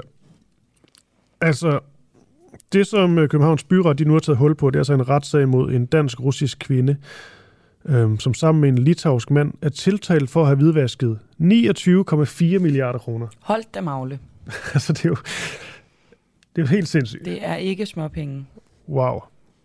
Men øhm, Det, det er, det får vi altså dels øh, fremragende Berlingske gravet den her øh, historie frem. Det er snart nogle år siden, men det er også bare for vildt. Ja, så det er sådan også bare et interview med Michael Lund, som, øhm, hvor jeg tror, vi, øh, vi er ligesom lytterne bare rigtig øh, nysgerrige på at høre øh, alt, hvad der er op og ned i den her, den her sag. Yes, og det er altså klokken 8.40 om godt og vel 14 minutters tid. Ja, og vi har lige en, øh, hvad hedder sådan noget, en min- minkafstikker mere. Ja, det er vel nærmest mere en øh, asbest afstikker. Det er det faktisk. Vi skal tale med Torben Valbjørn Rasmussen, som er ekspert i asbest og bygningsfysik. Okay. Mm. For udgør de øh, tomme minkkalder i Danmark en sundhedsrisiko? Det er det, vi spørger om her øh, til morgen. Og altså en sundhedsrisiko, som Mette Frederiksen potentielt set endnu ikke har taget sig af. Tidligere minkavlere landet over, de venter lige nu på at få at vide, hvad der skal ske med affaldet fra deres tomme minkfarme. Og det her, det gælder altså blandt andet de her etanittag med asbest. Og det er altså nogle tag, hvor der har været asbest i, øh, i rigtig mange år, virker det til. Nu skal de så rives ned. Men det ved vi ikke helt, hvordan vi kommer til at foregå først og fremmest. Derudover så er der jo heller ikke ligesom sat sådan en, en dato på, nu, øh, nu, nu sker det. Og du skal lige skal jeg se. Det er fint. Så nu er det Torben Valbjørn Rasmussen, som, øh, som vi taler med. Er du med, Torben? Godmorgen. Ja, godmorgen. Okay, de her øh, eternit-tage, udgør de en, øh, med asbest, udgør de en, øh, en risiko, hvis de ikke bliver taget ned sådan på øh, forsvarlig vis? Ja, altså det er sådan så med, med asbest, øh, så er det sådan, at, at øh, det er de frie asbestfibre, som, som øh, er udfordringen i forhold til vores, øh, inde, vores, vores lunger. Øh, vi må ikke inhalere de her øh, fibre. Så, så længe at øh, pladerne de ligger og ikke er ødelagt, så udgør de faktisk ikke nogen øh, risiko. Hvad i forhold til, øh, til sådan en øh, proces, hvor man skal have dem øh, ja, revet ned? Ja, altså, når man nu, øh, ja, nu siger du rive ned, fordi øh, lige præcis øh, de her øh, asbestholdige materialer, dem skal vi jo rive ned eller fjerne øh, på sådan en øh, måde, således at vi ikke knækker pladerne, vi ikke øh, bryder pladerne øh, og den slags. Det vil sige, at vi skal, de skal tages ned hele, de skal håndteres sådan, så de ikke øh, går i stykker, og, øh, og så skal man altså ringe til sin kommune, og så skal man høre, hvordan øh, de gerne vil have dem øh, deponeret, altså hvordan man skal aflevere dem til kommunen. Øh, for man må altså ikke genbruge dem øh, andre steder. Øh, det er simpelthen forbudt at, at bygge med asbestholdige materialer i dag. Okay. Sådan, øh, nu ved du jo, øh, du er ekspert i asbest og bygningsfysik. Det er også derfor, du har, er god til at svare på noget af, af det her mere sådan konkrete lavpraktisk med, hvordan man, man gør det. Hvem er det, der er gode til sådan noget? Altså skal man ligesom hente nogle folk ind, der er særlig gode til at tage sig af det her? Jamen altså, det er sådan, at hvis man arbejder med øh, asbestmaterialer indendørs, så skal man øh, have fat i nogle professionelle. Men øh, hvis man nu snakker om, om tagflader, så må man faktisk jo gerne selv øh, nedtage tagpladerne. Øhm, og, øh, og det skal man selvfølgelig gøre, uden at man øh, kommer til at bore i dem, eller, eller på anden måde beskadige dem. Øhm, men, øh, men man kan også godt få et, et firma til at, at hjælpe til med at, at tage pladerne ned. Mm. Øh, man skal øh, være opmærksom på, at man jo gør det, øh, sådan så man ikke øh, får spredt fibre. Det, øh, det er egentlig det, man skal tænke mest på. Okay, hvor lang tid, øh, hvor lang tid tager sådan noget her? Øh, for et hus øh, at få taget taget af, eller, eller sådan taler vi 100 om det her- kvadratmeter. Eller? Jamen, fordi jeg synes bare, nu talte vi med en, øh, en- en minkavler, og han nævnte jo bare, at netop de her øh, tidligere øh, Øh, farme, at de jo, øh, de er jo enormt store, altså store bygninger, der skal ned. Ja. Jamen, det, det øh, altså jeg ved ikke, øh, hvor lang tid, øh, altså når man tager de her plader af, så tager man jo og, og skruer skruerne ud, og så bærer man hver plade hen, som jo så bliver grebet af en anden, som så øh, tager den ned på jorden og lægger den på en palle, og, og så øh, og sådan fremdeles, øh, og det er jo altså afhængigt af, hvor, hvor mange man er til at udføre arbejdet. Ej, det var også et, øh, et meget øh, alt for bredt og åbent øh, spørgsmål. Ja. Det var lidt ukonkret. Øh, men det er men- egentlig mere for at sige, at øh, det jeg også skal høre dig sige, det er, at det er sådan lidt en omstændig omgang, trods alt. Ja, det er jo ikke, altså det er ikke som når vi øh, har andre tagflader, øh, tegl eller andet, hvor at man kan lave sådan en, øh, en sluse øh, fra taget og ned i en container, og så står man bare og, og ligesom kaster det øh, ned i slusen, og så kører det ned i et rør i en container, og når den container er fyldt, så går man videre til næste container. Det er altså noget, som, som altså kræver omhu, øh, netop fordi vi jo ikke skal have brudt pladerne. Okay. Camilla, har du, øh, har du mere, eller skal vi, skal vi forlade asbest øh, for i dag? Eller sidder du brændt ind med noget? Jeg tror ikke, at jeg øh, har mere at tilføje. Jeg synes, vi er kommet godt rundt. Ja, og ja, der er ikke rigtig nogen dato på øh, endnu. Torben Valbjørn øh, Rasmussen, det kan du ikke hjælpe med, gå ud fra. Nej, det kan jeg desværre ikke hjælpe med. Men øh, det ville måske være meget god idé, at det ikke skete om ikke så lang tid, tænker vi. Men øh, det, øh, det er ikke op til os eller dig. Vi får se. Du er ekspert i øh, asbest og bygningsfysik. Det var dejligt, du kom med her til morgen. Jamen, tak skal du have. Okay, have en god dag. Ja, i lige måde, det er også der takker. Bam, bam, bam. Hvad skal vi til nu, Christoffer? Jeg kigger fabrilsk ned på... Øh, Vi tager nyheder, vi tager nyheder nu. Okay. Fordi vi venter lidt med, med Michael Lund. Han skal også lige øh, komme. Og øh, ja, han skal også lige have en stol, tror jeg. Og en mikrofon. Ja. Og lukkes ind. Der er mange ting. Nå, det her det er en, øh, en nyhed, som... Øh, hvad siger man? Ja, den, det, det, det er bare en, en hård nyhed, tror jeg. Fordi prøv at høre. Ubehagelig efterregning kan ramme danske forbrugere. Det er bare ikke det, der er nogen, der har brug for lige nu. Sådan en overskrift. Nej. Men og sådan er det. De høje elpriser har i år allerede ramt mange, men for nogen, der har den dyre strøm, ikke kunne aflæses på regningen. Det kan skyldes, at man som forbruger har fastprisaftale på sin el, men prisen kan dog ændre sig, når årets sidste kvartal begynder. Kunderne de kan nemlig blive ramt af et ubehageligt eftersmækkende varmeregnskabet, det er overstået. Det siger Anders Svendsen, der er chef jurist i Lejernes Landsforening, og det siger han altså til, øh, til TV2. En nyhed med mere. Ministerium må gennemgå beslaglæggelser fra Trump. Trump. Trump. Rensagning. Det amerikanske justitsministerium de kan genoptage gennemgange af klassificeret materiale, som FBI beslaglagde fra USA's tidligere præsident Donald Trumps hjem i Florida i begyndelsen af august. Det her det har en federal domstol afgjort. FBI de beslaglagde 11 sæt af klassificerede dokumenter fra Trumps hjem i Mar-a-Lago. Og det, Ja, jeg ved sgu ikke. Det er bare lidt som om, at øh, man tror ikke rigtig på, at det kommer til at få nogle store konsekvenser for Trump. Nej. Han har et, eller andet, øh, et særligt evne til at på en eller anden snige sig udenom. Rigtigt. Altså, det er jo vildt, det ikke får større konsekvenser for ham der. Det er korrekt. Han står direkte op i en folkemasse til at bare give den gas, ikke? Og så går de ind og stormer kongressen, men det er bare som om, at øh, den gode Donald, han, øh, han, han slipper. Og til gengæld så holder han de her rallies, der er ret vilde. Og den her QAnon konspirationsteori, der er helt sindssyg. QAnon. Ja, det skulle hvordan du, det ved jeg faktisk ikke, hvordan du lige skal. QAnon, QAnon, nå, det er også lige meget. Jeg vil sige QAnon. Ja, den er jo, øh, den vokser sig større og større, der er mange, der taler om. Og nu har de fået et eller andet særligt tegn. Så ved det seneste rally, der spillede en eller anden sang, som for, mange mener kunne sådan knyttes til det her QAnon. Og så, Hvad var det for en sang? Kan du huske det? Man kan ikke helt og sangen kan jeg ikke huske, men tegnet, det kan man sådan finde billeder af. Vil du lige lave det til mig? Og man kan ikke huske det helt nemlig. Det er et eller andet med... Når det der, hvor man ligesom samler øh, Ja, ja, pege og tommelfinger, og så stritter de tre resterende fingre. Ja, og nu siger noget, og det er jo ikke det, det er. Men alligevel, det der bare er lidt skræmmende, når man ser den der folkemængde, og man hører om den her Q-teori, der er ret så vanvittig. Øh, når man så ser den der folkemængde, der har strækt arm til sådan en Trump-rally. Man får nogle, øh, nogle billeder i hovedet fra en anden tid, der ikke er så rart. Nu siger du mand. Du gør i hvert fald. Ja. Du må jo tale for dig selv. Ja, og det gør jeg så også. Det gør jeg i hvert fald. Og i øvrigt synes jeg faktisk også lige, jeg havde lyst til at fortælle lytterne, og det er simpelthen øh, sådan min helt personlige øh, optagethed af den øh, hackergruppe, som hedder Anonymous. Kan du også godt lide dem, Christoffer? Sådan lidt poppet, ikke? Okay, okay. en pop-hackergruppe. Men jeg synes alligevel, det er ret fedt, øh, at de ligesom øh, tager et eller andet form for, ej, hvor lyder det dumt, samfundsansvar.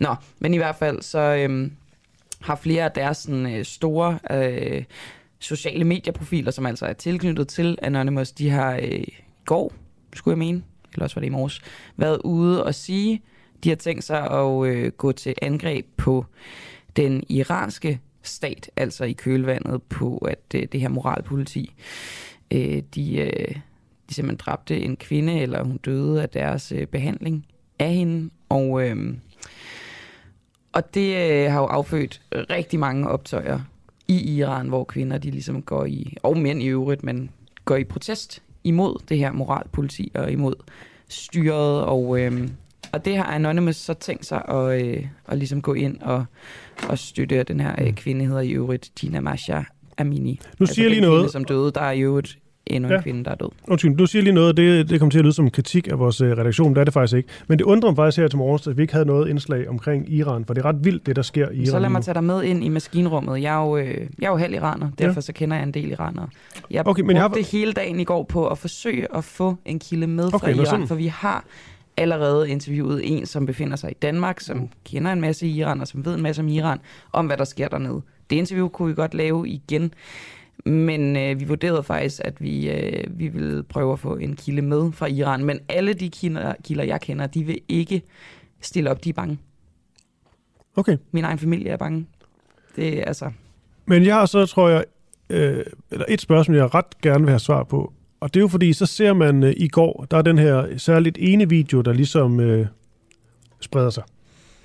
Øhm, hvor man ser, jeg tror på videoen, når du har set tre kvinder, det kan også være, der er flere. Den, jeg har set, der ser man tre kvinder, ligesom kaster øh, øh, tørklædet øh, ned i øh, ja, sådan et bål. Mm. Og, øh, og de, øh, de jubler og, og fester osv. Men det har ligesom fået helt vildt meget opmærksomhed, og alle politikere med respekt for sig selv, de øh, retweeter det her og skriver også, øh, øh, hvor er det fantastisk, hvor er det stærkt, hvor er I modige. Og det er vi helt enige om. Jeg sidder bare og tænker, altså, er der nogen, der ved sådan, hvor, altså, hvor store de her demonstrationer er? Altså, hvor det her er det et lille bitte? For i nogle gange kan det også være, så ser man det, og så tror man, det er hele Ja, det er Iran, jo, der bare øh, står det i... er jo øh, de sociale medier. Ja, der- så vidt jeg har forstået, så Ja. er det i hvert fald øh, i flere, hvad skal man sige, af de konservative byer, der ligger nede ved Kurdistan, men også, øh, eller der, hvor der er den kurdiske del af Iran, ikke? Ja. Øhm, men jeg ved faktisk, det er et godt spørgsmål, hvor omfattende det er. Det er for det, der er ingen, der skriver om, og det er jo ret vigtigt at vide, om det er ligesom er, er det et helt land, der er ved at stå i øh, flammer, og det er et øh, millionoprør, eller... det er måske også lidt svært at finde ud af, faktisk. Ja, ja. Men det, er også, det kan jo også bare være nogle få virkelig, virkelig seje, stærke kvinder, og så den her video taget, og så virker det til, at det er et langt større øh, folkeligt Ja. oprør, hvilket måske ikke er. Jeg ved det, det, det kunne være spændende at kigge ind i, om det overhovedet er lade sig gøre lidt at finde ud af omfanget. Ja. Nå, nå, nå. Men det, øh, det skal vi i hvert fald øh, se nærmere på i, øh, i næste uge ud fra. Altså, jeg prøver i hvert fald videre at finde kilder. Det, det, er, jo, det er jo alligevel ret utroligt for nu lige at blive inde i maskinrummet. Jeg ved ikke, hvor interessant det er, men når kilder er bange for at stille op på den måde, så kan man jo love dem forskellige ting, for at de kan være i sikkerhed. Og her, der, øh, der er deres frygt jo egentlig ganske reel, fordi styret er massiv på overvågning og den slags. Øhm, så kan man tilbyde at sløre deres navn, sløre deres stemme, hvis det er det, og øh, også at ringe på en krypteret tjeneste, som for eksempel Signal, men øh, trods det tilbud, så er de altså stadig bange for overvågningen øh, fra regimets side. Og med det, så blev klokken øh, knap og nok 8.40. Om ikke så længe, der har vi Michael Lund med, han er undersøgende journalist på øh, Berlinske. Det er i forhold til denne her Danske Bank-skandale. Og det er jo en skandale, der også går ud over mere end bare Danske Bank, men det handler jo om, øh, om hvidvaskning, og øh, det er noget, Berlingske de har set rigtig meget på. Og der er en øh, sag med en øh, kvinde og en øh, mand, som øh, angiveligt har altså hvidvasket for 29,4 milliarder milliarder kroner, og øh, det er den, vi skal høre Michael Lund øh, tale mere om. Ja, for hun, kvinden altså, hun, øh, så vidt jeg kan læse mig frem til, tilstod hun i Københavns Byret i går, at hun havde altså hvidvasket det her beløb. Og øh, altså, det er bare, det er sådan en her historie, Kristoffer, Christoffer, hvor det er bare sådan, Nå, det er for vildt det her. Der, jeg læste også noget med, at hun øh, skulle have haft et form for kærlighedsforhold til en embedsmand i Erhvervsstyrelsen, så tænker man også, åh, åh, er det nu spredt sig ind i systemet, det her? Men det er jo alt det, vi skal spørge Michael Lund om. Jamen spørgsmålet er også, hvor meget sådan, fordi at nu, øh, man kan sige, øh, Thomas F. Øh, Borgen og Danske Bank, de er jo på mange måder blevet øh, sådan ansigtet på, på skurken, lige i hvad det her indgår. Men øh, mit bud er bare, at der også er rigtig mange andre skurke. Det får vi så at se. Ja, det, det tror jeg, det er et øh, skurke hydramonster, det her. Altså snart du hugger et hoved, så vokser der to nye ud. Ja. Nå, en, øh, en nyhed mere fra, øh, fra Storbritannien, som ikke skal handle om, øh, om kongehuset. Nå for pokker. Ja. Den nye premierminister, det er hende, der hedder Liz Truss, hun øh, overvejer at følge i den tidligere amerikanske præsident Donald Trumps fodspor og flytte sit lands ambassade i Israel fra Tel Aviv til Jerusalem. Det skriver en britisk avis, The Telegraph. Ja? Okay. Det ved ikke hvorfor. Er det bare fordi Jerusalem lyder bedre? Nej, der er vel, der er vel et, der er en, vel en markering i det. Nu får du mig ud, hvor jeg ikke kan bunde, men øh, der, der, der må være en markering i det. Det, øh, det, det er der helt sikkert. Nu, okay, nu udstiller jeg blankt, at jeg er fuldstændig dum, men der, det, det, det er der helt sikkert. Ja, ja. Du ved det heller ikke. Nej, jeg ved det ikke. Jeg læser Nej, bare det er ikke bare for sjov. Nej, nej. Nej, der er der noget politisk i det. Der er forskel på Tel Aviv og Jerusalem. Der er måske noget religiøst i Ja, og når jeg siger lyder bedre, så er det også det, jeg mener. Det er jo ikke bare fordi, at, at det er et federe ord. Nej, nej. Men der er meget, Nå, mere, meget mere ja, symbolik ja, og alt ja, muligt forbundet med, med. Jerusalem. Men, øhm, Det må vel være for at erklære sin støtte endnu mere markant ved at vælge den mest religiøse by. Ja, man kan prøve at, at skrive ind, hvis man er til det. Det er jo noget med, Camille. I morgen, der har vi, øhm, der har vi gæstevært på. Ja, så vidt jeg har forstået, så er det Peter Ernstved, som er chefredaktør på øhm, forsvarsmediet Olfi. Det er, ret, ja, det er jeg ret sikker på, det er. Hvor meget ved du om ham? Jeg ved, at øh, jeg, øh, jeg ved, at, øh, at jeg har mødt ham flere gange, og han er en utrolig flink mand, men det er jo selvfølgelig irrelevant i den her sammenhæng. Udover at han er det, så er han også en enormt dygtig mand. Altså, de laver jo faktisk på Olfi flere store øh, afsløringer. Det er virkelig sådan et nichemedie, som, øh, som andre medier øh, kan have godt af at, at holde sig opdateret på, fordi de har rigtig mange gode afsløringer. Der var også dengang, at, øh, at han øh, fik fyret Peter Vigo. Det gjorde han ikke. Men nu er der nogen, der ringer ind til vores studie. Skal vi ikke tage den? Jo, jeg tror bare, det var vores gæst. Jeg synes bare, det er lidt spændende. Jeg kan ikke finde ud af at tage telefonen. Mm. Nå, nu er den også stoppet. Men ja, men som sagt, det, er- det er ham, altså P- Peter Ernstved, der Men bliver... kan du ikke huske den der Peter Viggo-sag? Hvad var det, han givet på? Ja, men det var, at han... Altså, Olfi skrev om, at han var blevet fyret, og så... De luvenner?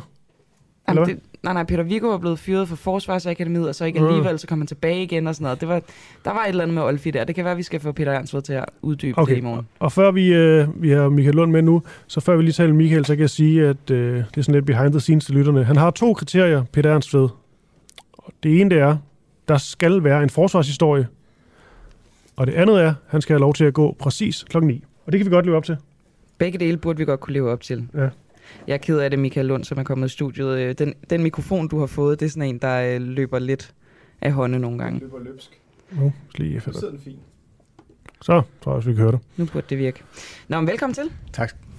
Øhm, undersøgende journalist på Berlingske og en af ophavsmændene til, øh, til afsløringen om hele Danske Banks hvidvask-sag.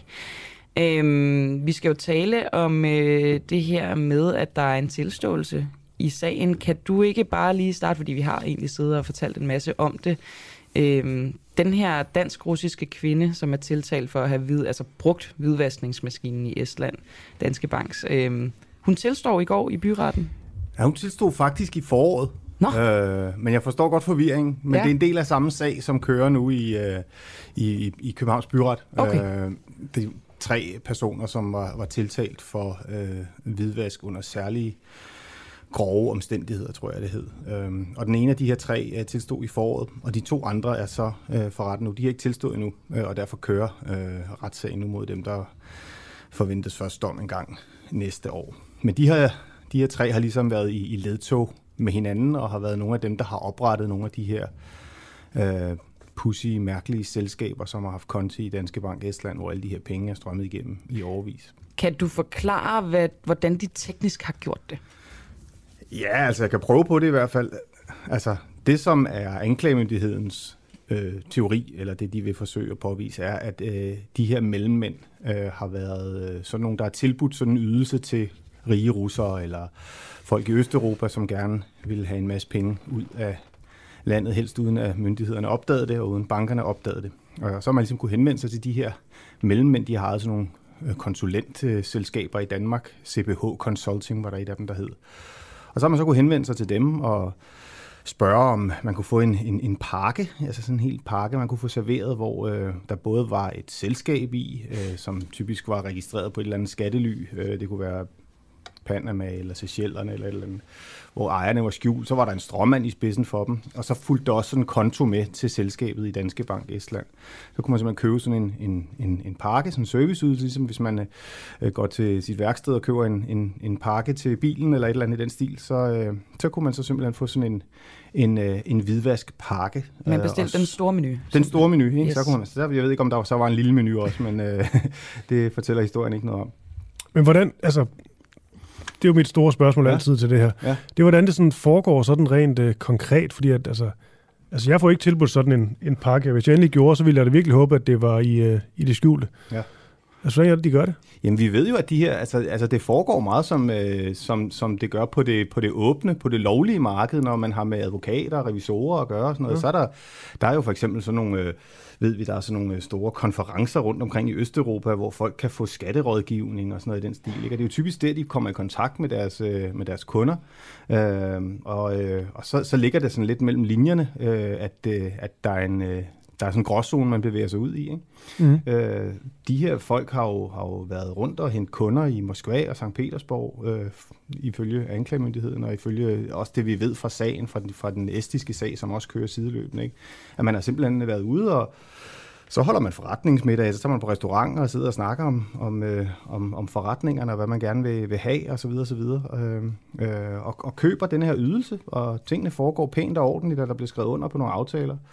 Øh, så jeg tror egentlig ikke, at det foregår så meget anderledes, som hvis du vil have en hvilken som helst anden øh, konsulentydelse, eller øh, gik til en advokat eller revisor osv., osv. skulle have rådgivning om et eller andet. Mm.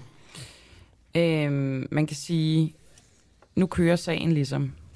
Men allerede tilbage i 2008 blev daværende skatteminister for Venstre, Christian Jensen, advaret om sagen. Det er også ved at være nogle år siden, I kom med jeres afsløringer. Ret mig, hvis jeg tager fejl i det her.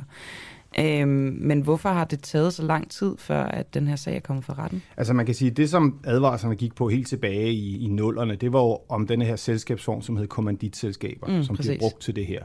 Og det er sådan en særlig dansk øh, selskabsform, hvor øh, der er begrænset ansvar, det vil sige, at du hæfter ikke nødvendigvis for dit tab, hvis du bare er en almindelig indskyder i selskabet. Øh, og så kan du, hvis du er en speciel type af ejer af selskabet, kan du også skjule dig, det fremgår ikke nødvendigvis af de offentlige registre, hvem der egentlig står bag kommanditselskabet. I Storbritannien har man nogen, der hedder LP og LLP-selskaber, hvor det er lidt det samme øh, øh, koncept, og mange af de her skattelyselskaber har lidt samme øh, fidus også. Altså, mm. Altså, du kan simpelthen skjule, at du er den reelle ejer. Øh, så de her kommanditselskaber var jo oplagte til at bruge til den her slags, hvis man var en eller anden, der ikke havde rent mel i posen.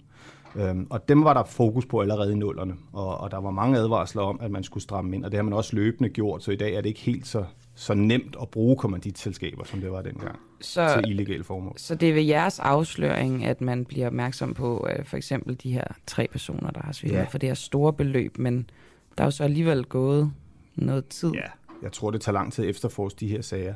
Det man kan sige, det man kan sige hvidvasksagen i Danske Bank ligesom gjorde, myndighederne var opmærksomme på de her kommanditselskaber. De var faktisk også opmærksomme på denne her gruppe af mellemmænd, som oprettede dem og tilbød dem til russere og alle mulige andre typer ude i verden men man havde bare ikke de her fældende beviser. Man vidste jo egentlig ikke rigtigt, hvad der foregik i de her selskaber. Vel? Så man kunne godt gå ud og spørge, det ser mærkeligt ud, at der ligger 200 kommanditselskaber med samme direktør på en eller anden adresse på Frederiksberg eller et eller andet stil. Men man kunne bare ikke rigtig komme videre. Man kunne ikke komme så meget videre. Det hvidvasksagen gjorde var, at vi fik jo adgang til de her kontoudtog, så vi kunne faktisk se, hvad de her selskaber lavede. Og det viste jo, at de Mm. fulgte alle de her kendte mønstre for hvidvask. Men altså. hvis I kunne få adgang til dem, så kunne myndighederne vel også få adgang til dem. Hvorfor har de ikke ville det? Ja, det er et godt spørgsmål. Det er jo nok ikke mig, du skal spørge om det, men, Rigtigt. men, men du har ret i, der er jo mange ting nok i også hele... bare illustrere det på en eller anden måde, ikke? men der er jo mange ting i hele denne her sag, hvor man sidder og tænker, hvorfor gjorde myndighederne ikke det? Hvorfor har man ikke ren- renset noget tidligere? Hvorfor har man ikke bedt om, om øh, at få kontoudtog for Danske Bank noget tidligere? Øh, det er jo et godt spørgsmål. Jeg tror ikke, man har ment, det var spændende nok eller interessant nok, formentlig.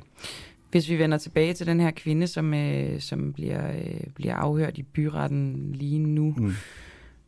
Jeg læste Hun hedder Irene Eller, der Ja. navneforbuddet der er ophævet. Det er ophævet? Ja, ja så, Okay. så man må godt nævne hende nu. det har Okay, vi selv gjort. super. Ja. Øhm, det kan godt være, at jeg ruder lidt rundt i, Mm. i navnene, for der er også en anden kvinde. Ja. Øhm, men der er en af dem, der har haft et forhold til en embedsmand i Erhvervsstyrelsen. Ja. Jamen, den her sag bliver jo mere og mere kulørt jo. Men det var hende, der blev dømt i foråret. Okay. Øh, og, øh, og hun... Øh, Er det hende, der hedder Camilla? Ja. Ja. Hun var Øhm. en del af denne her, det her trækløver. Og det kom frem der i den forbindelse, at øh, hun havde haft en, en affære med en person i Erhvervsstyrelsen, som havde siddet helt centralt med at oprette og kontrollere de her kommanditselskaber. Ja, fordi det lyder jo altså i sig selv bare odiøst, øh, Ja. øh, at en, der er blevet dømt for det her, har haft et forhold til en fra Erhvervsstyrelsen. Men altså, Ja. ved man, at det forhold har gjort, at hun kunne... Øh, Nej, man ved ikke rigtigt, hvad det, hvad, det er, hvad det er. Altså, man kan kun spekulere. Øh, Jeg har faktisk talt med den pågældende embedsmand, øh, som er pensioneret i dag. Øh, og Han mener ikke, der, der er noget som helst øh, mistænkeligt Jamen, over det skal overfor. han jo også mene, kan man sige.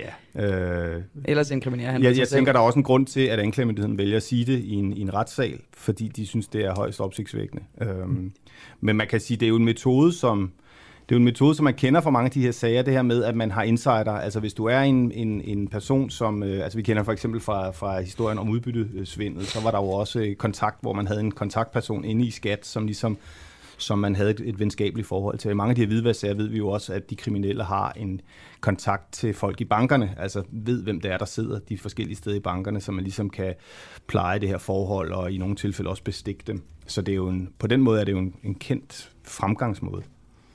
Var det, øhm, er det sovjet de blev kaldt, de der? Det ved, det ved jeg Det, det synes jeg, læste engang.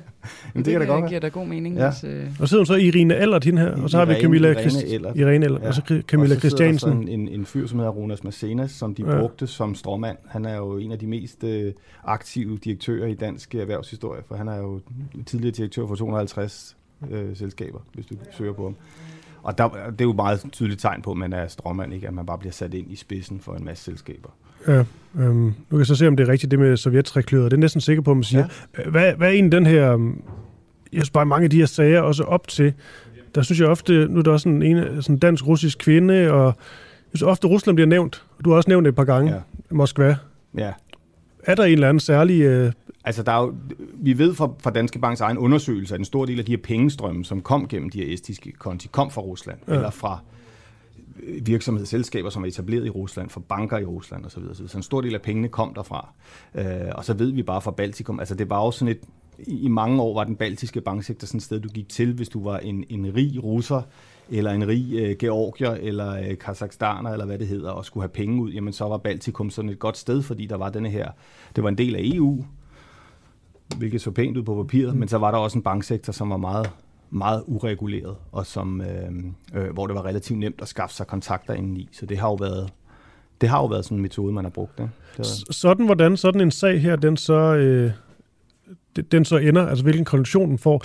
Er det sådan interessant for dig, eller er du mere sådan øh, procesmand? Ej, jeg har jo siddet med det her i to, siden 2017, så jeg synes jo, det her det er super spændende, fordi jeg synes jo lige pludselig, vi begynder at få sådan en indblik i maskinrummet. Ja. Altså, hvad er det egentlig, der er foregået? Hvordan har de oprettet? Fordi jeg stiller jo de samme spørgsmål, som du også gør.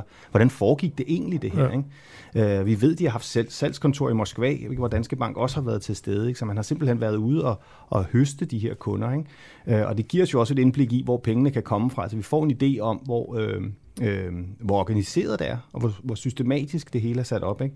Øh, hele den her skygge, skyggeside af verdensøkonomien, som jo stadig bulrer der ud af, bare nu i, i andre banker, øh, ja. må vi formode. Og så er det jo sådan med retssystemet ofte, hvis du gerne vil slippe for den, den hårdeste straf, så jo mere du siger, desto øh, bedre er det for dig. Ja, ja, man kan i hvert fald sige, at Camilla i foråret, hun, hun valgte jo bare at få sagen overstået i en fart, og øh, skal også, hun er også indkaldt som vidne i denne her sag mod sine tidligere kolleger, så det bliver også spændende at høre, hvad hun fortæller undervejs.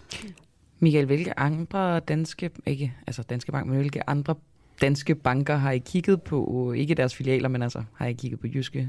Der er også noget Nordea selvfølgelig. Ja, altså, altså Nordea mange... var jo en del af hele det her. Præcis. Allerede da vi startede ved hvad sagen, kunne vi jo se, at Nordea også havde øh, endda på sin Københavner-filial inde ved Vesterport, havde de jo en masse russiske kunder, og den blev jo fremhævet hver eneste gang, der er et skattelylæg og sådan noget i den stil. Men jeg tænker bare på, har I også kigget på Arbejdernes Landsbank og Sydbank og Nej. alle, altså hvor mange banker har I kigget på? Ja, vi har kigget på, på Danske Bank og Nordea, og så har Jyske Bank jo været fremme i forbindelse med en lang række andre sager. Det har jo primært handlet om, om at man har hjulpet forskellige øh, kunder med skatteoptimering, som er det pæne ord, ikke? men de havde jo en, en filial nede i Gibraltar for eksempel alle steder, ikke? hvor man øh, øh, jo også ifølge kilder har, har lavet, øh, altså været ude i gråzoner med skatte, skatterådgivning. Men skal I ikke kigge på de andre banker også? Jo, meget gerne. Altså det, der er, meget, det, der er afgørende for os, er jo tit, at vi skal jo have, vi skal jo have fat i sådan noget råmateriale, vi kan kigge på, altså for eksempel kontoudtog. Ikke? Så vi kan sagtens undre os. I mange år undrede alle sig over, at Jyske Bank havde den her filial nede i Gibraltar. Ikke? Men det var først, da folk inden fra filialen begyndte at tale og fortælle om, hvad der foregik, at vi ligesom kunne få det her indblik. Klar. Øhm, så, så tit er det jo de her banker, som har aktiviteter i lande eller på steder, hvor man godt ved her, hvorfor er det egentlig, I har en filial i Gibraltar, eller hvorfor er det, I har en filial mm. i Baltikum, hvad er det egentlig, der foregår derovre? Altså det er jo tit der, det har Arbejdernes Landsbank for eksempel ikke jo, ved, ved vi, så vidt vi ved. Ja. Hvad har du selv af bank? Det vil jeg ikke sige. Men en, en, en lille, en lille, et, et mellemstort øh, jysk øh, pengeinstitut. Så okay, Jamen, jeg, har, jeg har stadig Danske Bank. Har du, jeg skiftede jo, da Michael og hans kollegaer laver ja. historien, fordi jeg, jeg følte, at jeg skulle sætte mig på en høj hest, og det er jo så besværligt at skifte bank. Jamen, jeg mener også, at min far han skiftede, og jeg ja. tænkte, det er det helt rigtige at gøre, men så fik jeg ikke rigtig gjort det. Så. Ja. Jeg fik ja. Øh, andelskassen, fælleskassen, fordi jeg ville altså, kigge ind i at, at få antitesen til Danske Bank. Ja. Men, men sådan opsummerende i forhold til, hvis vi tager Danske Banks rolle, Altså, hvor, er det, hvor står du? Er det simpelthen fuldstændig øh, kynisk, øh, kynisk og kalkuleret fra, fra øh, øverste hold, eller er der også bare nogen, der har fundet de her, de her smuthuller? Når du siger øverste hold, så er det jo, så er det jo rigtig interessant, fordi mens vi sidder og snakker om den anden sag, den her kommanditsag, som kører nu, så er der jo et uh, retsopgør i gang i Lyngbyret, som startede i går, hvor Thomas Borgen, altså ja. en tidligere topchef, er stævnet af en masse vrede aktionærer for sin rolle. De mener jo, at han er skyldig i, at, eller skal betale erstatning, fordi at aktien faldt undervejs. Og der skal han afgive forklaring. Uh, og der han jo blandt andet, der mener at de her sagsøger jo blandt andet, at, at uh, han, han i hvert fald kendte til, at der var problemer derovre, og undlod at reagere, og undlod at informere markedet. Så der kommer jo også en masse interessante ting øh, i gang. Øh, i, er det egentlig nogensinde blevet undersøgt yderligere end Danske Banks egen undersøgelse af sig selv, altså Thomas Borgens rolle? Ja, altså man må sige, øh, Bagmandspolitiet havde jo en, en, en, en lang efterforskning af en tidligere ledelse, og valgte at lægge den ned og frafalde sigtelsen, fordi de ikke mente, at de ligesom kunne bevise, at det var groft uagtsomt, det ledelsen havde okay. gjort. Men og, så har aktionærerne vel ikke noget at have det i? Jo, fordi det er et andet bevisbyrd, de skal løfte. Øh, grov uagtsomhed tæller tit i de her øh, straffesager, men i en erstatningssag, en civil erstatningssag, så skal man ikke løfte samme bevisbyrde. Så kan okay. simpel uaksomhed nogle gange godt være det samme. Men dermed ikke sagt, at det bliver en nem sag, for det bliver svært at påvise. Dels at Thomas Borgen har haft den her viden, men også at han skulle have meldt den ud til markedet, og at de så har tabt de penge, de hævder, de har. Det bliver en, det bliver en svær sag at løfte for de her sagsøger. Interessant. Ja, Michael Lund. Ja, det må du sige. Øhm, undersøgende journalist på, på Berlenske du bliver sikkert ringet op eller får en invitation igen, og den er den udfoldes endnu mere. I er velkommen. Sag. Tak for det. Velbekomme.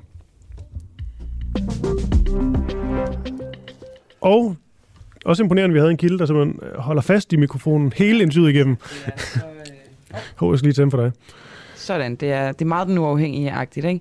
Men Christoffer, nu er klokken 8.58, og det betyder, at... Øh, jeg finder verdensuret på min øh, telefon frem, sådan så at øh, vi kan slutte bedre, end vi startede, altså på klokkeslættet. Ja, jeg kan jo sige, at øh, min, øh, min far han lytter med her til morgen, for han skriver Spar Nord her. Oh. Så han er skiftet fra Danske Bank til Spar Nord. Jeg får helt våde øjne. Ikke af bankskiftet, men af, at din far lytter med. Øh, nu er klokken præcist 8 59. Det vil sige, at vi har et minut tilbage af dagens udsendelse. Ja. Som du sagde i går, Christoffer, vi får Peter Ernstved øh, ind som gæstevært i morgen. Det kan jeg virkelig anbefale. Han er både en meget karismatisk person og en dygtig journalist. Ja, og jeg vil gerne høre noget omkring det her med Iran, altså hvor, hvor store er de her protester egentlig. Så også det her med, at uh, Liz Truss, uh, Storbritanniens nye premierminister, vil have ambassaden liggende i Jerusalem. For jeg husker bare, at Trump gjorde det, der fik det jo, altså, det var vildt kontroversielt. Ja, ja, lad os da lave noget om det. Og hvorfor er det, hun vil gå i hans uh, fodspor? Det kan virkelig overraske, men uh, vi skal have en eller anden på til at, til at tale mere om det, tænker jeg. Og så skal vi lige kigge ned i det med, uh, at EU ikke, at det ikke er lovligt at køre, altså at flyve på 100% grønt øh, brændstof. Nu kan du godt sætte øh, den der jingle på. Ui. Og så kan vi jo sige, at øh, det var dig, Christoffer Lind, og mig, Camilla Boracchi, der har siddet i studiet i dag. Øh, udsendelsen, den, øh, den var sat sammen af Peter Svarts Nielsen. Ja, og jeg skal sige tak til Tobias i regien, fordi at, øh, godt kæmpet derude.